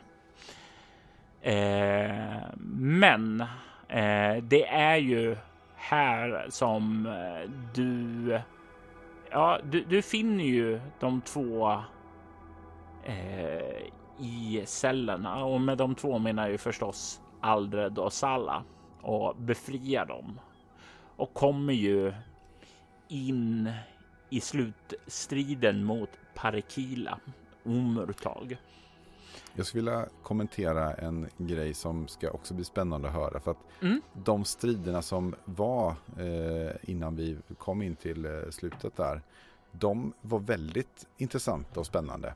Eh, jag vet inte om det var för att miljön var annorlunda eller att det var för det var lite trängre, det var en annan typ av taktik och så vidare. Så där kände jag att eh, vi hade ju inte heller några eh, tekniska problem. så jag vet inte. Men det kändes som att det var en, en det, det, det, skulle kunna låta som en spännande strid för det var väldigt spännande i mitt huvud när vi höll på. Eh, så det blir kul att höra det också. Eh, att det var en, en härlig föraning liksom att ja nu kör vi och det går bra och vi kommer vidare. Och så Hello Nabys, nu slår vi in dörren. Det gick inte så bra men sen gick det bra. Nej, men jag tror det kan ju vara som sagt var. Det är andra insatser här och det finns en mått av strategi här. Du försöker blockera saker du försöker stänga in några, alltså du försöker smyga runt där. Det känns som att och längst in är det någonting hemskt. Alltså, det finns så många okända variabler gentemot eh, den här öppna kyrkogården. Alltså, det är många. Det, det är pågående strider som inte känns lika mycket insats till samt att som du sa då du kommer inte direkt från någonting tungt dramagrej då så att du mm. har inte. Du känner dig inte nedtyngd av det eller det blir en helt annan sak för dig nu. Precis, och jag kan. Jag får rädda någon för för en kort stund. Blir det bra? Men hur gick det sen då Robert? Vi kom in här i rummet ja, eh, och eh, det ska ju säga som sagt var att Parikila är ju en väldigt, väldigt erfaren person. Han har levt länge och det är ju en demon i själva kroppen då som huserar där. Och det här var ju som sagt var information som du kunde ha tagit reda på i scenariot om du hade detektivat bättre. Du var ju på en rundtur i staden och fick reda på att det fanns ett annat tempel som var igenbommat och mm. att det böcker och så fanns kvar där. Och det var ju någonting som du sa att ja, men det här ska vi kolla upp sen. Och det här mm. senet kom aldrig sen. Nej, jag tror att det var någon eh, som slog ihjäl min vän eller rövade bort min vän och sen så blir det ont om tid så jag, ja, jag skyller på spelledaren. jag skyller på Kasims eh, ja. prioriteringar. Här. Ja, nej, men du har helt rätt att jag tror att eh, och det, det, är väl Kasims akilles här lite grann att han eh, jag ska inte kalla honom för så spontan, men hans fokus är ju på det som är här och nu. Att, att göra för mycket förberedelsearbete det ligger inte riktigt för honom. Um, kanske att han... Mm, så att, så att det hade nog varit lite off character att gå in i ett bibliotek och börja studera. Och, men vad kan det vara? Oj, jag sprang på det här. Så att det kändes som att i, i stundens hetta så var det rätt beslut liksom. Mm. Och jag tycker att det blev väldigt intressant på grund av att jag inte visste någonting alls. ja, och det, det är ju som sagt var eh, det saker och ting måste ju inte gå enligt allt. Det fanns ju andra saker också som du kanske inte plockade upp. Alltså det fanns en bordell här i staden där, eh, vad heter det, Maurelin hade sina eh, labbar i också. Som du hade kunnat gått den vägen också för att få reda på saker och ting. Eh, så det är ju som sagt var det som jag gillar med scenariot är att det har många ja, olika saker som går att undersöka och fånga upp där. Och det gör ju att eh, man kan missa saker men ändå komma vidare fram i själva äventyret. Ja men precis. Um, och, och, det, och då, det, det, är nästan så det man kan spela det igen. ja, eh, jag skulle säga som så att eh, det är eh, lite grann delande drag som enhörningshornet.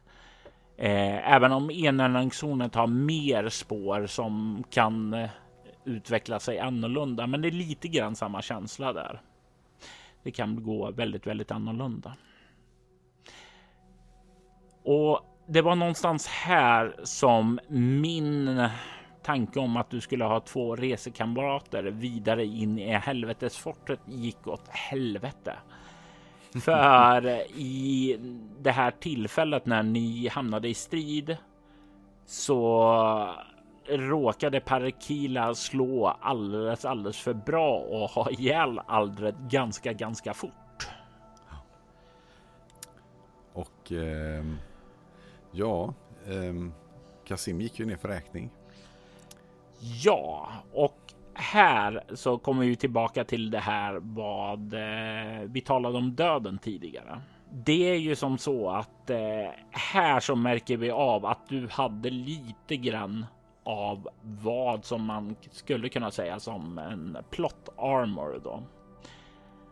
Du har ju ett öde, eller rättare sagt inte Jörgen. Jörgen har inget öde. Eh, han är helt oviktig här. Eh, men Kasim har ju ett öde. Vi har ju planterat lite det att han han har ju i den här visionen, då är det etin är inte, inte är etin. Alltså mörka krafter vill utnyttja honom. Det är saker och ting står på spel. Eh, vad är han för person? Det är någonting som, eller någonting, det är några olika saker som drar i honom. Och och eh, här så får ju du ett val på en fin äng med en person. Precis, och någonstans var det ju ett val som eh, eh jag fick av någon annan, fast det var inte lika mysigt kanske. Um, jag tänkte på, det, det blev, det, jag, jag, har inte tänkt på det så mycket förrän nu egentligen, att det var ju samma situation här. jag har chansen att slippa saker eh, mm. på ett sätt. Eh, men, eh, och det är ju det att Kasim står ju hela tiden och balanserar på eh, varför han existerar. Och det är ju för att hjälpa de som är svagare. Ehm, att, att, att försöka göra skillnad och inte bara ge upp. Eh, vilket är fult då för honom på något sätt. Mm. Och det gjorde ju att eh, han tog beslutet att komma tillbaka. Och här så var det ju också då eh, någonting som jag, du sa att du inte uppmärksammade, men för mig var det så här väldigt, väldigt turligt. Förra gången där inne i templet med Maurelin så blev det som sa, nej jag orkar inte, jag vill bara slippa. Och då gick det åt skogen. Men här när du fick valet igen, då blev det så här liksom, fuck it, det är mitt öde, jag måste tillbaka. Alltså, det var ju som att du hade lärt dig en läxa där, att det finns inga genvägar. Det var väl lite grann att Maurelin var ju, hade ju, det fanns ju en ond vilja hos Maurelin att, att um, få undan Kasim. Medan här var det ju verkligen ett, ett, eget val också i en väldigt trevlig miljö. Så att det kan ju vara så att uh, Kasim kände sig väldigt trängd i, i templet eh, och trött och eh, ensam. Eh, så att jag försöker komma på om det är så att Kasim är väldigt svag beroende på vem han har i sin närhet. Mm. Jag, jag tänkte ju säga nu börjar bortförklaringarna här, bortrationaliseringarna, ja. varför man förlåt mörkret där. Ja, ja, ja. såklart. Måste ju ha en anledning. Mm. Eh, men det var ju som sagt var här också. Du fick veta att du hade en annan särskilda förmåga som heter gudarnas gunstling. Och det är ju någonting som finns i Dodd eh, 91 eller Dodd 4.0 som det också heter och inte något annat. Även om Wikipedia har eh, fel när det skriver så där. Eh, vi håller oss här i Altorsvider håller vi oss till vad äventyrsspel själv kallade det i deras utgivningslistor. Punkt slut. Eh, eh, jo, men och det var ju någonting också. Det här rotade lite grann till reglerna också men eh, det finns ju här ett öde som lämnade i sitt spår där i dig när du vaknar. Något som Kasim kanske inte reagerar på, men han har ju ett E i armen nu inbränt där. Mm. I vänsterarmen tror jag jag skrev här till och med. Jajamensan, ett första steg och vi får se vad den stigen leder någonstans. Men det var ju, även om du fick komma tillbaka där, en ganska hård och ganska dödlig strid ändå. För han var ju, Parakila var ju nära att sänka dig nästan direkt igen då. Mm. Nej, och det kändes som en väldigt eh, svår motståndare. jag vet inte vad, jag vet inte om det är så att man ska ha tur med tärningarna eller om jag gjorde helt fel. Dels så är det ju designat för fler rollpersoner, men det står faktiskt uttryckligen i äventyret att det är nog lättast om eh, han inte blir nedslagen utan flyr med eh, kometen där som ligger inom magiskt skydd där och försvinner bort därifrån. Mm. Eh, men du känner ju mig rätt väl vid det här laget och vet att eh, jag är inte mycket för att göra saker lätt. Nej. Och det här är ju också ett annat skäl till varför jag satte upp det så här att han inte skulle fly var för att just var den här kometen och så hamnar det var någonting som jag byggde in i äventyrskampanjen Det Solumska ödet som jag skrev på 90-talet då. Och eh, någonting som kanske kommer höras här i Altorsvidder framöver då. Så det var ju därför som jag inte gav dig en break utan att du fick kämpa och varför Sala fick offra sitt liv.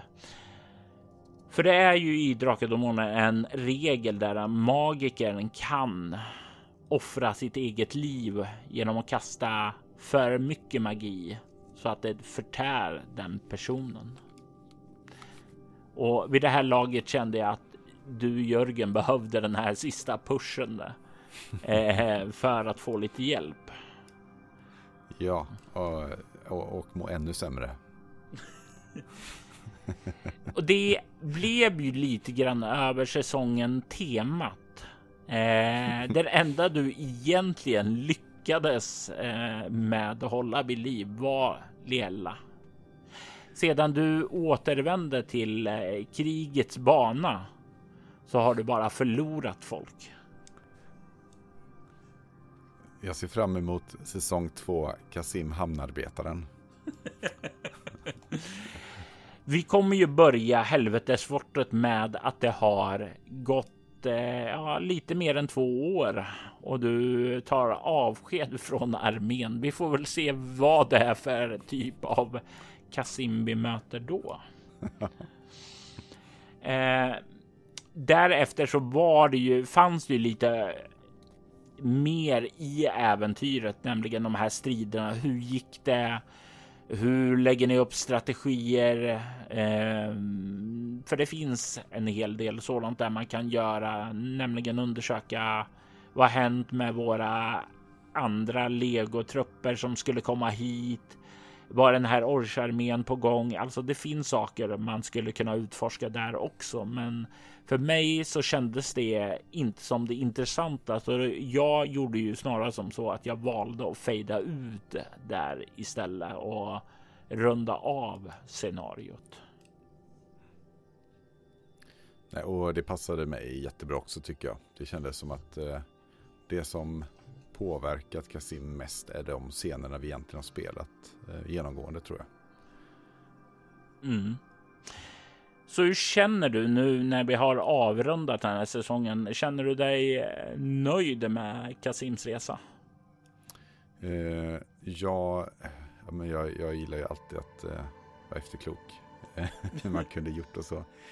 Eh, nej, jag tror att ehm, ja, men jag är väldigt nöjd med, med eh, var, vi, var vi kom någonstans. Eh, jag tycker att det är, ett, det är lite svårt ibland det här med vad gör man nu grejen. Eh, skiner kanske igenom ibland på till lyssnaren också. Det tycker jag själv är tråkigt att lyssna på. Men det betyder inte att någon annan tycker det. Eh, så det, det är väl det här velandet ibland som jag tycker är så svårt i, i rollspel generellt. Särskilt när man gör en, en podd av det. När man spelar på hemmabordet så kan det vara hur veligt som helst. Det gör inte så mycket. Så jag hoppas att inte det har färgat och, och eh, tagit bort det här, eh, de här ljuspunkterna när vi, när vi ändå utvecklar karaktären tillsammans.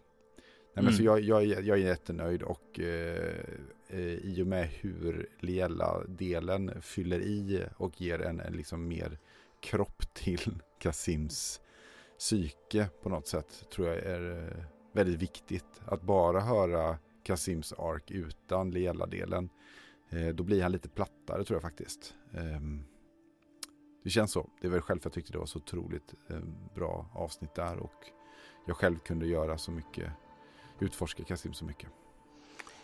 Jag ser fram emot den dagen som du, Lela och Ogmund får träffa varandra tillsammans i en grupp. Det ska bli jätteskoj att se er dynamik tillsammans alla tre. Jag är förväntansfullt livrädd. Det låter som en bra stämning att du håller dig i tills det tills den stunden då vi dyker in i helvetesfortet. Jag tror att vi nu har spelat in betydligt längre än vad jag trodde att det var. Eh, det här känns som ett rimligt stämle att vi avrundar. Om inte du har några sista ord, Jörgen, att dela med dig till våra lyssnare av. Um, nej, jag är väldigt tacksam att jag fick en så pass stor roll i den här i Altors vidder. Eh, det, det, var ju lite slump att vi hamnade där vi är just nu, Robert. Eh, så jag tycker det är jättekul och jag hoppas att de jag vet inte, är det 11, 12, 11 avsnitt eller någonting sånt där. Att, att de som tagit sig igenom dem tycker att det var så pass bra att de inte slösat bort sina liv. Eh, 11 timmar de inte får tillbaka. Jag eh. tror ju att det är du som har hört mest där, för Lela var ju en del dubb i Ogmons ark, eh, men eh, hennes ark var kortare än din ark. Du har ju jämbördigt med eh, och Ogmund då plus att du var med i Liella. Så det är nog du som har hörts mest. Oh, ja. ja, vi får se om vi får någon feedback. Men jag tycker det har varit jätteroligt och det är en, en, en, liksom en, en ära att få vara med i den här produktionen. För jag, jag gillar verkligen eh, hela Altors vidder är det som jag tänker själv att rollspel är när det är sådär eh, fantasymysigt någonstans. Eh, och det är bredden i den här världen eh, som finns, som jag nu får upptäcka eh, i detta då. Det är jag väldigt tacksam för. Och jag är väldigt tacksam för att du Jörgen har varit med mig på den här resan med Kasim. Och jag är även väldigt, väldigt tacksam för ni som har lyssnat på det här. Tack!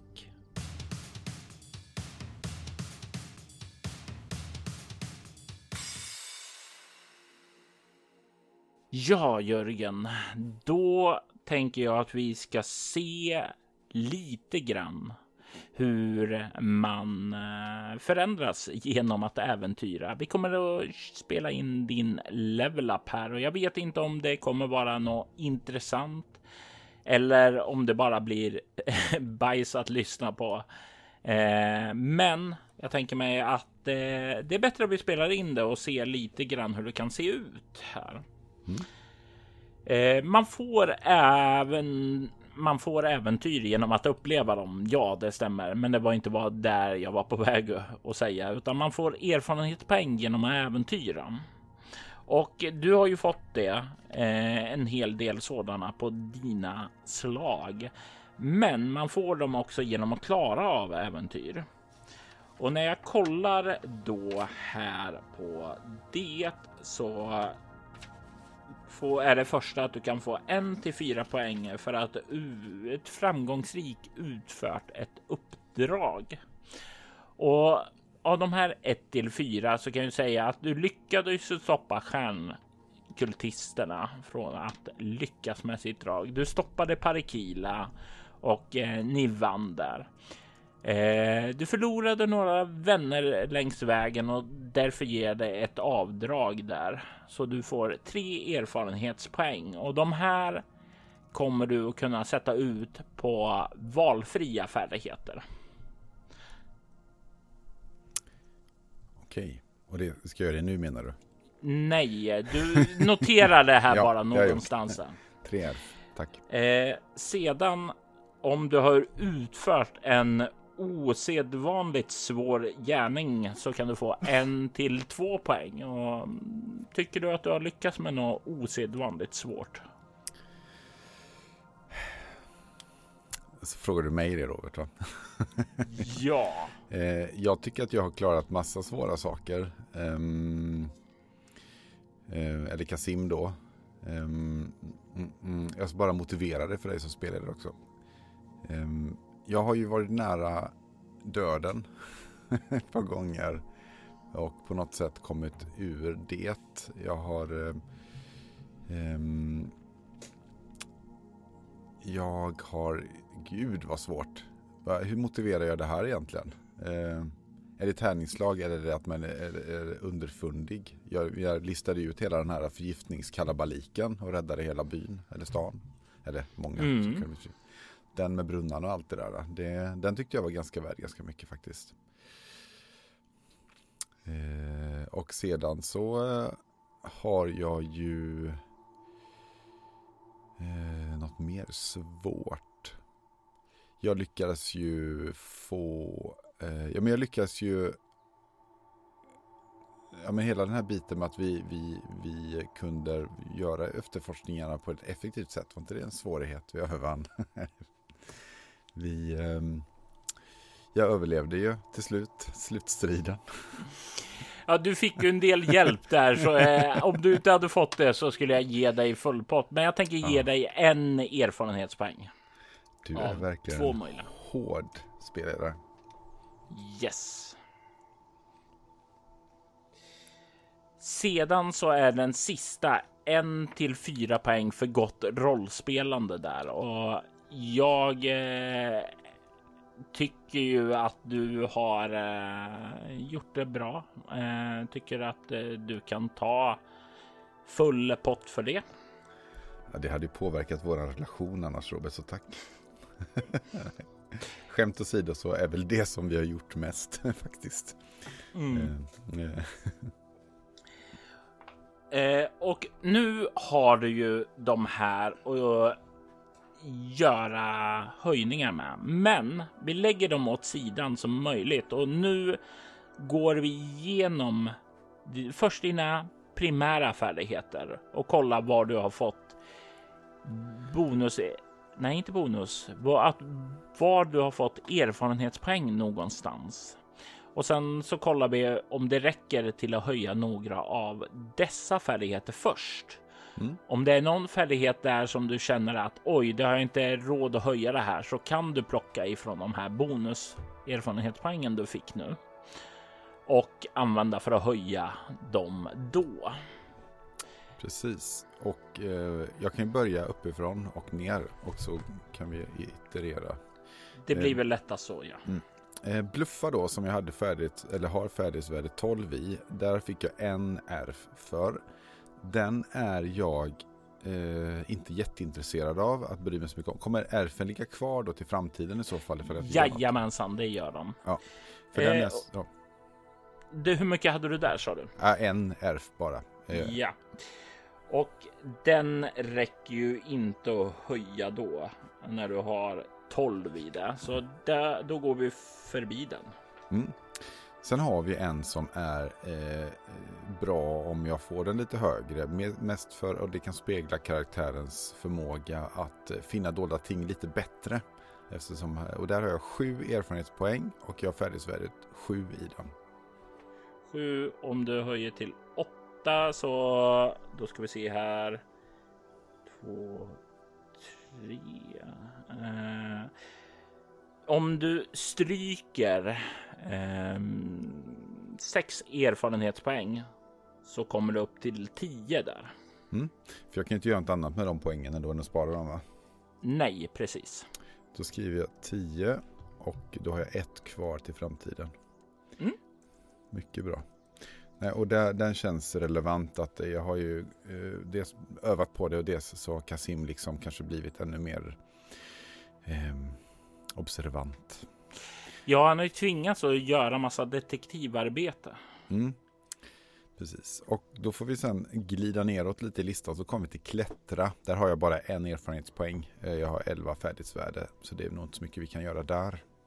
Nej, särskilt inte om du inte vill använda dina bonuserf.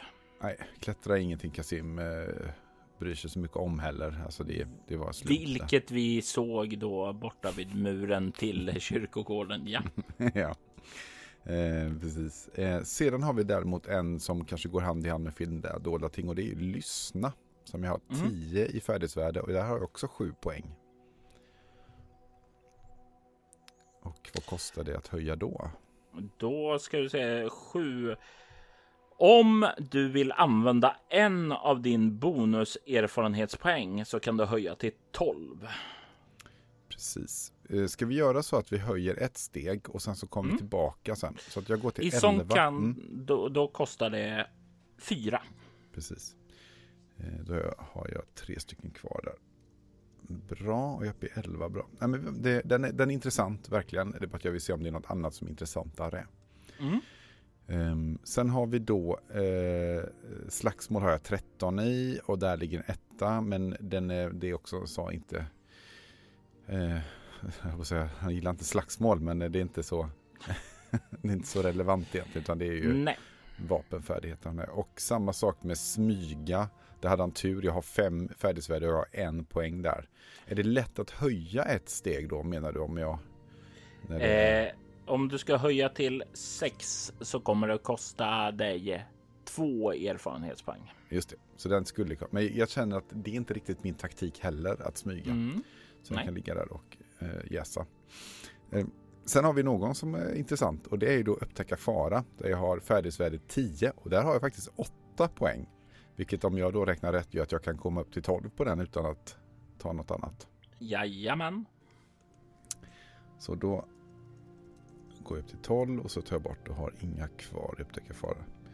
Och det rimmar ju också med karaktärsutvecklingen där, att han är lite mer så. Eh, sen har vi övertala. Eh, och den är ju också så här att eh, Kasim har ju egentligen alltid varit en, en väldigt eh, han, ja, han är en verbal person. Han har ju haft eh, eh, duktigt ledarskap och sådär. Så den känns skönt att jag ändå har sex poäng i. Alltså jag har tio i färdighetsvärde men jag har fått sex erfarenhetspoäng och det betyder att jag kan ju göra ett litet hopp där till elva och sen så kan vi se om jag vill spendera fler för att bli bättre på att övertala sen då.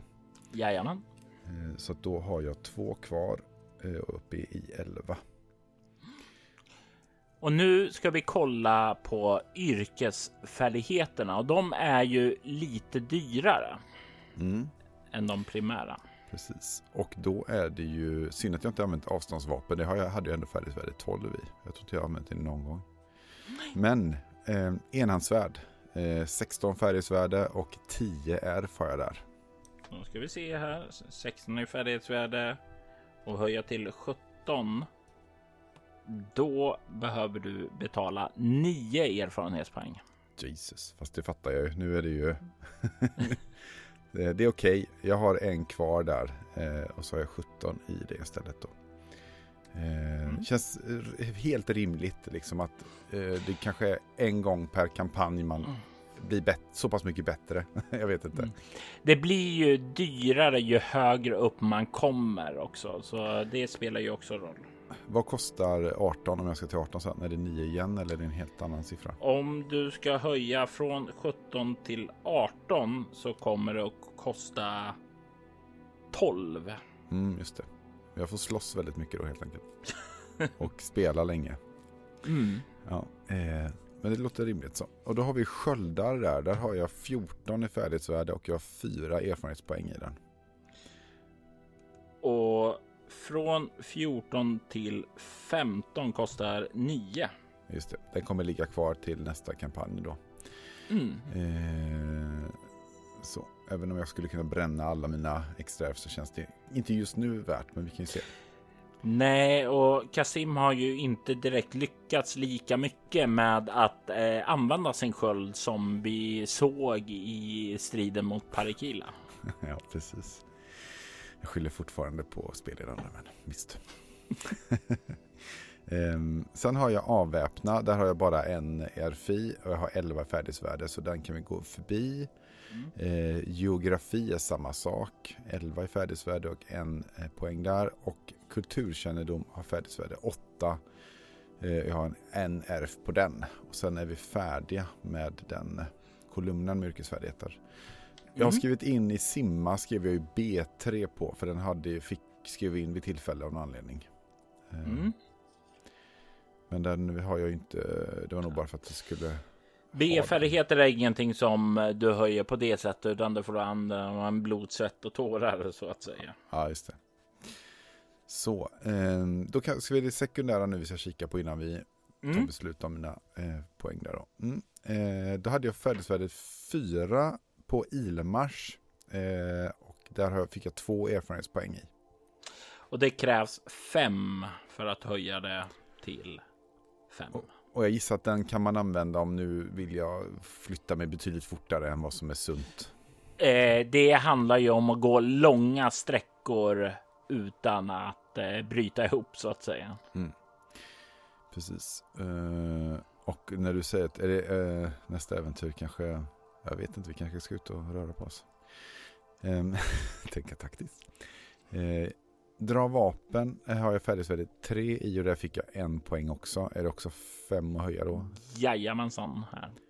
Jag kollar nämligen i en lista här där det står FE du har och FE du vill köpa och sen så gångras den med gånger två för primära, gånger tre för yrkesfärdigheter och gånger fem för sekundära. Mm. Um, sen har vi sjökunnighet som jag fick lite in i kampanjen om du minns.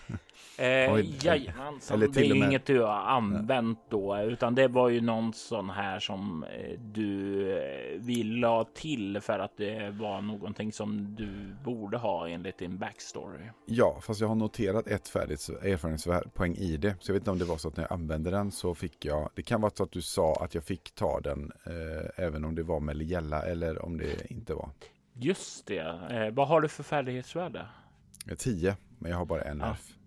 Och det, den fick du ju. Eh, erfarenhetspoängen fick du ju när du spelade med Lela, ja, för ni tog ju och navigerade där ute i träsket där. Och du behöver ju definitivt mer. Um, orientering eh, hade jag färdighetsvärde 2 i och det har jag två färdighetspoäng i. Jag vet inte vad det skulle kosta om jag skulle vilja bli bättre på det. Fem. Fem, precis. Eh, så lägger till tre. Så. Eh, och sen är det slut på det roliga. Ja. Mm. ja, och då har du ju fått det som du ska ha. Mm. Och nu får du välja vad de här andra sakerna ska läggas ut. Precis. 12 var på enhandsvärd det är jättedyrt. Jag tror inte det är det som är fokus. Nej, fokus är att bli lite bättre på lyssna är ju en, en, en, en någon jag är intresserad av faktiskt. Eh, den hade jag ju tre eh, ärv kvar i och det behövdes fem då till att komma upp till 12. Var det rätt? Eh, nu ska vi se här. Vad sa du att du hade? 11 i färdigsvärde på lyssna nu sen jag ökade den. Eh, sex. Sex ja. Då bränner jag, eh, jag hade tre, jag har tre kvar och jag bränner tre av mina level ups. Ska jag notera att jag gör det också. Mm. Eh, rött tar vi. Och så kommer jag upp i 12 på lyssna. Yes. Så, och så då har jag totalt fem ärv kvar att spendera. Um, det är alltid så att min sån här äh, opthjärna kommer in. Eftersom jag inte vet något av det framtida äventyret så får jag väl gå på vad jag tror att min karaktär har. Hur jag vill spela honom. Eh, det, ju, det, här är eh, någonting som eh, du ska tänka utifrån det du har gjort i det föregående äventyret. Ja. När du är klar med det här så kommer jag ge dig ännu mer poäng som reflekterar de ja, två åren som har förflutit sedan sist. Mm. Och då kommer jag ge dig även lite insikt i vad som kommer och väntar, vad vi kommer att gå in på härnäst då. Så tänk det här mer vad du har gjort än vad du ska göra. Mm, det är bra. Um, då ska vi se här. Uh, övertala, den hade jag 11 och det hade jag 2. Där var det 6 poäng jag ska ha då också för att gå upp till 12 visar jag. För... Nej, 11 Nej. upp till 12. Jo, det var 6. Precis. Nej, det var 4. Uh, ja, 4 bara. För det är en primär färdighet. Så. Ja, eh, ska vi se. Då ska jag... Eh, men varför var det 6 på lyssna då? Eh, nu ska vi se. Du, vad hade du i lyssna? 3. Jag hade, jag hade 12, förlåt, 12 färdigsvärde och jag hade 3 erf kvar. Och sen så hade jag ju fler på min level. Därför jag ljög för dig. Okej, du fick ju sätta dit mig. Eh, eh. Jag såg fel där. Det skulle vara inte 6 utan det skulle vara 4. Vad bra, men då har jag ju ännu fler poäng kvar här då. Då ska jag bara göra rätt mm. här så jag kommer ihåg. Tur att jag har koll på dig här Robert. Mm. Eh, även om jag inte gillar att bli för bra. Men då ska vi se, mm, då går vi tillbaka till övertalare som ändå är något att han har blivit mer verbal och eh, erfaren där. Så då går vi upp till eh, 12. Eh, jag funderar på om det är någon annan sen som, nej men det gör vi. Då kostar det två stycken där. Då har jag en kvar där, då har jag fem totalt sen kvar då. Då har jag 12 på övertala och ta bort de två sparade och räkna av två från mina sådana. Nu har jag totalt fem ärv kvar här och eh, funderar på var de skulle kunna bo. Um, upptäcka fara där då. Om jag skulle vilja öka den. Eller finna dolda ting. Det är på 10 respektive 12 där. Att höja till 11 eh, kostar 4 och höja till eh, 13 kostar 4. Just det, jag kan bara öka en av dem ändå. Så då är det lite grann eh, om det är... Eh, nej men fina dolda ting känner jag att den... Eh, den eller vänta lite nu, det blir ju tillräckligt många kvar. Jag har så här, Fina dolda ting har jag 10 i och jag ska upp till 11. Jag har en poäng kvar där och då kostar det 3 till helt enkelt då för att mm. eh, då har jag en kvar. Då har jag två kvar totalt. Och så har jag 11. Eh, och så har jag två poäng kvar. Vad kan jag göra med dem om jag inte nyttjar dem nu eller kan jag lägga på dem någonstans? De två som om du inte nyttjar dem nu så sparar du dem bara. Ja, för jag har inget bra egentligen som jag vet ändå. Så jag har två ärf kvar. Jajamensan. och då har du använt upp allt det då. Mm. Eh, ja, och eh, jag minns inte. Gav jag dig några hjältepoäng efter? Eh, vi, efter att eh, vi avrundade Nej, finalavsnittet? För, för jag vet bara att vi nyttjade dem när jag gjorde, fick onda ögat. Det var då vi brände hjältepoäng. och det var ju sedan tidigare ja, agerande. Precis, och jag har, så jag har noll hjältepoäng just nu. Då kan du notera två. Ett för att du besegrade Parakila och ryktena har spridit sig om det. Plus att du under de här åren har blivit lite grann av en krigshjälte då. Du har ju föga förvånande fått ta över ledarskapet för den här legoknektsarmén från Plovan då. Yes. Och när vi kommer börja eh, helvetesfortet så får du sparken därifrån. Okej, okay. det vilken vändning. Grejen är att eh, framsteg och segrar har gjorts och den här arm ja, legoknektsarmén behövs inte längre. Så de har den upplös eh, av det och vi kommer börja på ett värdshus där du och dina andra män där firar eh, avskedet, sån här avskedsmiddag så att säga. Ja, okej. Okay. Trevligt, trevligt. Eh, och eh, utan att spoila allt för mycket av det här så kommer eh, saker och ting ske under det här som eh, kny, ja, som kommer locka din uppmärksamhet eh, under din eh, episod i träsket med Liella fick du ju höra om ditt öde. Det här om ett dussin dussin år. Ja. Och det just det här dussin dussin år kommer nämnas där och det kommer att fånga ditt intresse där och du kommer börja rota lite i det och det mynnar ut i först lite research, men framför allt ett stort spaningsuppdrag. Så det är liksom vad som nästa äventyr kommer handla om. Mm. det innebär att du kommer ha tillfälle att eh, ja, under den här tiden som har gått eh, har lett en armé och en förslag på en färdighet som jag tänker mig skulle kunna vara bra att skaffa för dig heter taktik. ja, den har vi saknat vid ett par tillfällen. ja, och för de som liksom tänker det, men varför hade inte Kasim dra vapen? Och det är ju en enkel anledning. Kasim har ju inte varit den typen av fighter som liksom behövt dra vapen från någon nonstop. Alltså för de ö, strider som du har varit med i. Det är ju dels så här bordningar och sådant på skepp kanske. Och där är man ju, det sker inte ögonblickligen. Och samma på gladiatorarenan, då går man ju in med dragna vapen redo då. Och det är ju liksom taktik är ju inte någonting du själv kanske har använt då på det här sättet, utan det är ju kanske mer det som har eh, gått under grunden och jag tänker ge dig en baschans här i motsvarande din intelligensgrupp. Jag har intelligens 12. Och det innebär att du får två i baschans.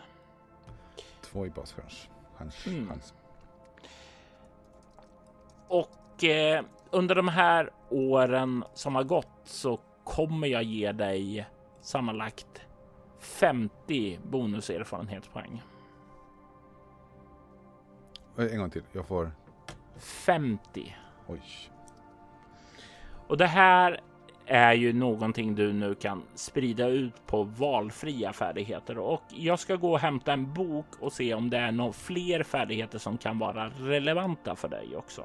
Fråga, är taktiken yrkeserfarenhet? Nej, allting nu som är nya färdigheter kommer att vara sekundära. Okej, uppfattat. Fördelen med att ha städat i sin bokhylla är att man inte hittar ett dyft där när man letar efter det. Eh, så jag ska plocka fram min telefon istället. Som jag har lagt ifrån mig någonstans som jag inte hittar nu. Där framför mig. Jag tar bra Robert. Jag känner att jag har sån koll nu. Det känns tryggt. Så då har jag 52 ärvt eftersom jag sparade två. Jajamän. Hmm. Då ska vi se här om det är någonting som kan eh, verka intressant. Kalligrafi. Eh, va?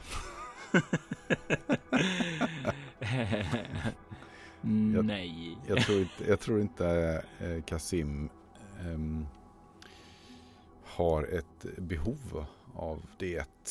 Jag vet inte ens om han kan skriva. Jo, det kan han. Du kom ju från en fin familj ursprungligen. Just det, just det, skriva kan jag. Ja, men då kanske jag gjorde fina skyltar.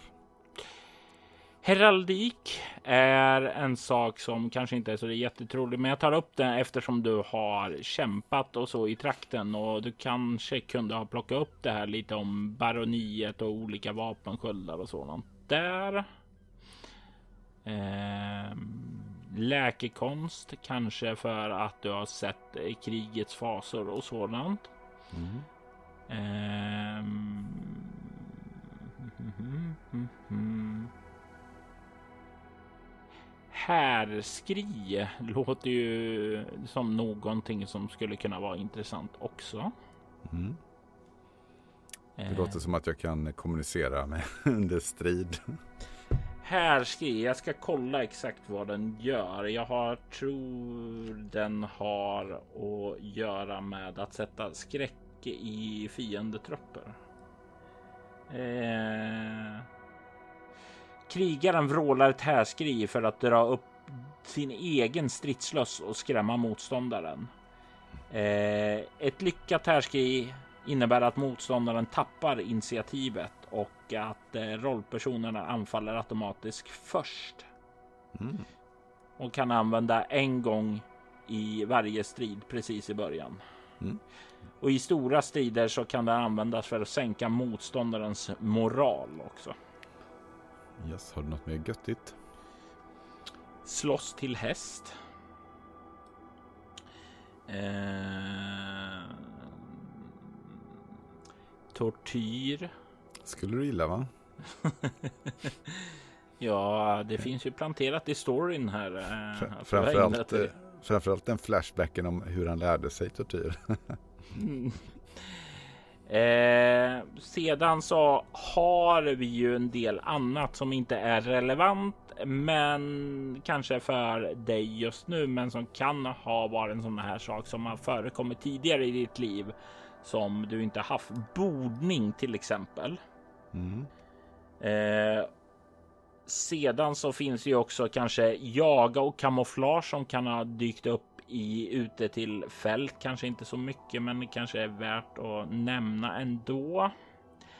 Eh, och utöver det så nej, då skulle jag inte säga att det är så mycket mer. Jag är intresserad av varför kalligrafi dök upp på listan. Eh, Helt naturligt. Det var mest ett skämt bara för att sätta Jaha. igång det hela. Okej. Nej, men heraldik eh, är ju något som är, eh, egentligen är relevant rent karaktärsmässigt. Men eh, spelmässigt vet jag inte hur mycket sånt det kommer kan ju dyka upp. Vem är det typ? Om jag ska identifiera någons symbol som i lelavsnittet där så hade jag ju kunnat det kanske. Mm. Eh, men härskri känns som en definitivt någonting som, eh, som jag ska ha. Mm. Eh, den känns kul och bra. Mm. Hur många fick jag välja förresten? Du får välja hur många du vill av de här. Det är ju Poängen som... Jajamensan styr hur mycket du kan köpa i dem. Nej men sen eh, faktiskt. Mm, eh, jag ska faktiskt ha med tortyr, Robert. Eh, Du ser inte det, men jag ler just nu. Ja, eh, det jag tänker på är ju dels har jag minnen av tortyr själv. Eh, och någon gång under de här två åren så har jag kommit i en situation där jag behövde ha extrema övertalningsmetoder. Um, och då plockade jag upp det från min egen, uh, vad jag blivit utsatt för uh, för många år sedan. Um, så därför tycker jag att den uh, är relevant. Mm. Då ska jag bara ta och plocka fram en liten bok som heter bok. Tortyren, Mästarens handbok. Nej, eh, Tjuvar och lönnmördare. Ja, just det. sen, sen faktiskt det du sa, läkekonst, för det kände jag att det, det är något som jag Eh, jag har ju första hjälpen. Vad är skillnaden på läkekonst och första hjälpen? Första hjälpen är att binda blödningar och den typen av sår. Läkekonst är att vårda någonting, till exempel ett brutet ben över en längre tid eller ta hand om sjukdomar och sådant där. Mm. När det gäller slåss till häst är det så att eh, Kasim har aldrig varit en hästperson. Är det så att mm. han har börjat rida nu när han har blivit mer befäl och sånt? Att det har blivit en naturlig del av hans dag, dag då liksom att det, att det skulle vara relevant där? Det är en sån här sak som är upp till dig. Det är inte en måste, men det skulle kunna vara en motivering till det också. Mm. Nej, men jag tror inte det. Jag tror inte Kasim tror på det här med hästar. Det är en sån fluga. Eh, så det kommer, han, kommer, nej, han kommer behöva hoppa av om han ska slåss. Um, mm, ja. Det, mm. Sen faktiskt heraldik eh, eh, kommer jag plocka också. För eh, som du säger, han har, varit, han har sett väldigt mycket. Och eh, en, en med den statusen han ändå haft och med det han har behövt umgås med massa, träffat på massa nobla personer, olika arméer, olika trupper så har han blivit duktigare på det också. Så att jag tänker mig att jag vill ha heraldik, läkekonst, härskeri och tortyr. Sen är jag nöjd. Mer har inte han lärt sig på de här mm. eh, två åren.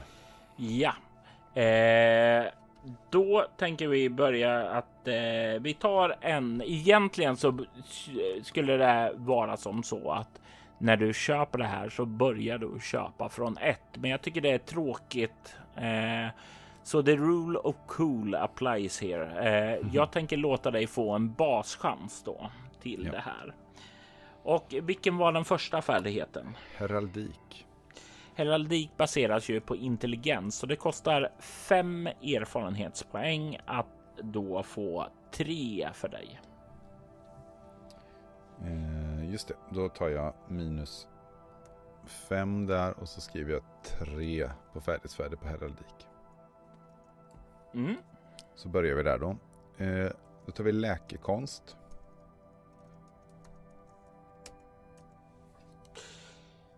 Läkekonst är intelligens så fem poäng för att få tre. Yes.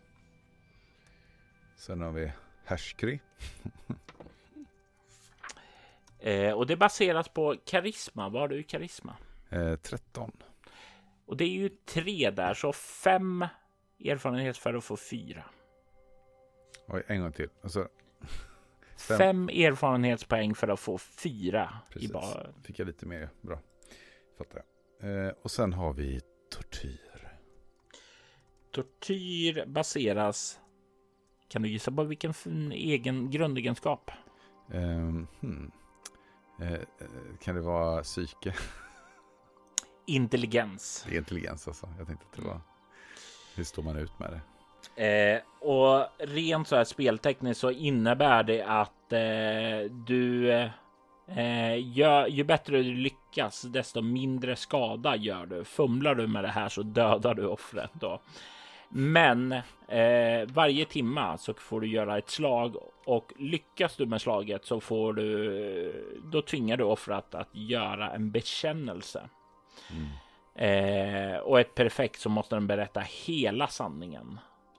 Eh, så det är ju liksom sakta bryta ner någon för att få information. Just det. Har du läst Joe Abercrombies böcker? Nej, jag har inte gjort det.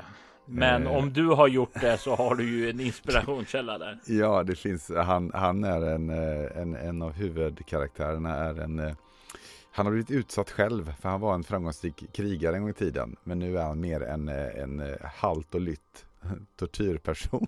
Så det är inte den jag är då, men jag skulle kunna bli åt det hållet.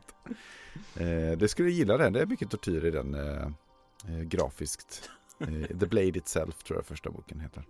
Mm. Den är episk och eh, fantasy och magi. Ja, det, kanske. Jag tycker den är bra. Skitsamma. Eh, hur mycket fick jag där då? Om det var intelligens igen va? Jajamensan. Då har jag tre då. För fem. Mm.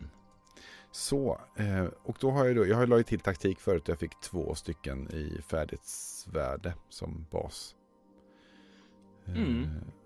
Och då så. kostar det ju fem poäng för att höja den då. Just det. Och då ska vi se. Eh, Okej, okay. nu har jag ganska låga här då ja. Mm. Och jag har bränt eh, 20.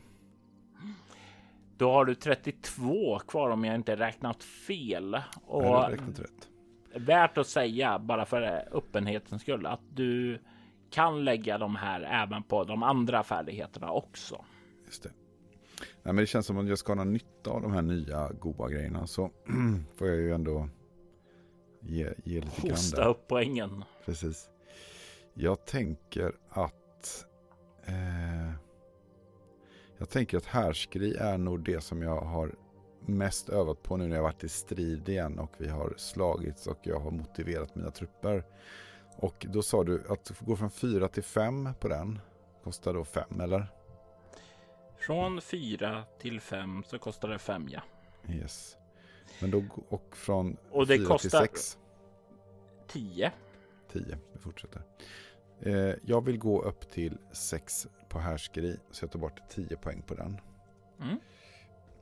Då har jag 22 kvar.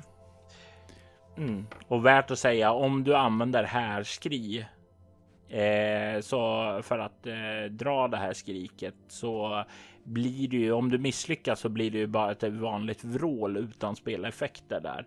Mm. Det är först eh, om det blir ett fummel som Robert som spelledare får riktigt roligt.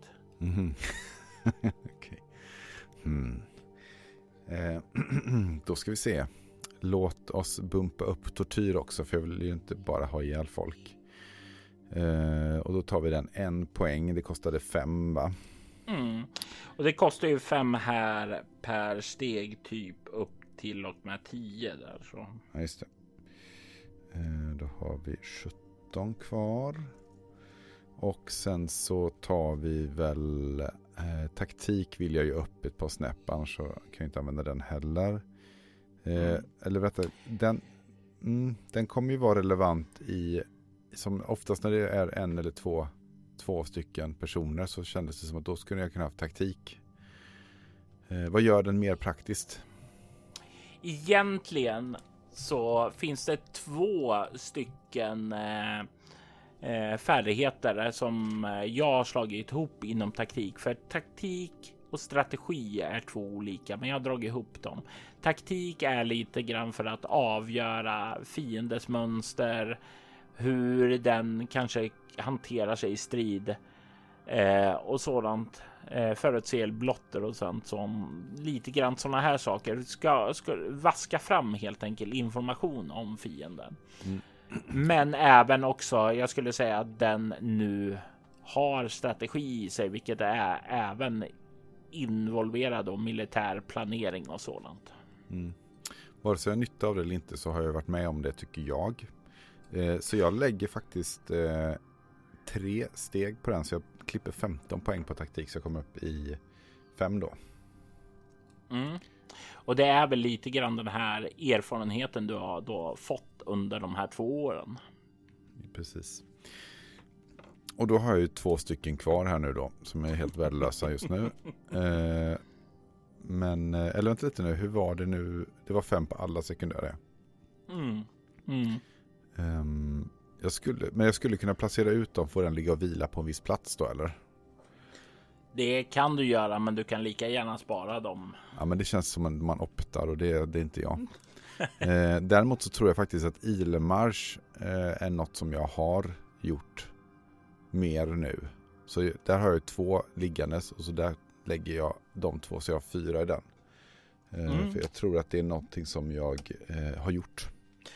Det känns ju rimligt här under truppförflyttningar och sådant där. Mm. Så. Eh, då har vi en eh, då har vi ett resultat här helt enkelt då. Jajamensan, och då har vi gjort dig redo för ditt nästa uppdrag och det äventyret du kommer spela är ju som sagt var Helvetesfortet skrivet av Johan Sjöberg och det är inledningen på kampanjen Den nidländska reningen. Det är ju den här kampanjen som första fasen av Altorsvidder bygger upp mot. Det är det som vi kommer att bygga mot klimaxet och för er som är bekanta med det här så kommer ni ju redan ha hört ett flertal planteringar som har skett här. Yndar. Ett dussin dussin år. Saker som vittnar om saker och ting som ska komma. Det här har varit Level Up avsnitt med mig och Jörgen Niemi. Och jag tackar er för att ni har uthärdat det. I detta avsnitt hörde vi Jörgen Niemi och Robert Jonsson diskutera Kasims resa närmare. Enhörning och Drakormen var ett av äventyren som följde med i Erebaltor-boxen som släpptes 1989. Altors Widders temamusik gjordes av Andreas Lundström medan övrig musik i detta avsnitt gjordes av Aski. Länkar till dem hittar du i avsnittets inlägg. Altors Vidder är en spin-off-podd av Soloäventyret. En rollspelspodd där du kan höra skräck och science fiction spelas i form av rollspel Bortom och Leviathan. Du hittar mer information om båda poddarna på bortom.nu. Du kan följa oss på Instagram och Facebook som Altors Vidder eller Spela Bortom. Det går även bra att mejla oss på info.bortom.nu. Vill du stödja Roberts fortsatta kreativa skapande kan du göra det på patreon.com Robert Jonsson.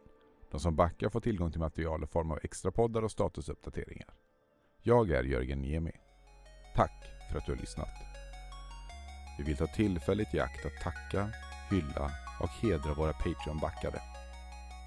Martin Stackelberg. Ty Nilsson. Daniel Pettersson. Daniel Lantz. Och Morgan Kullberg. Ert stöd är djupt uppskattat. Tack!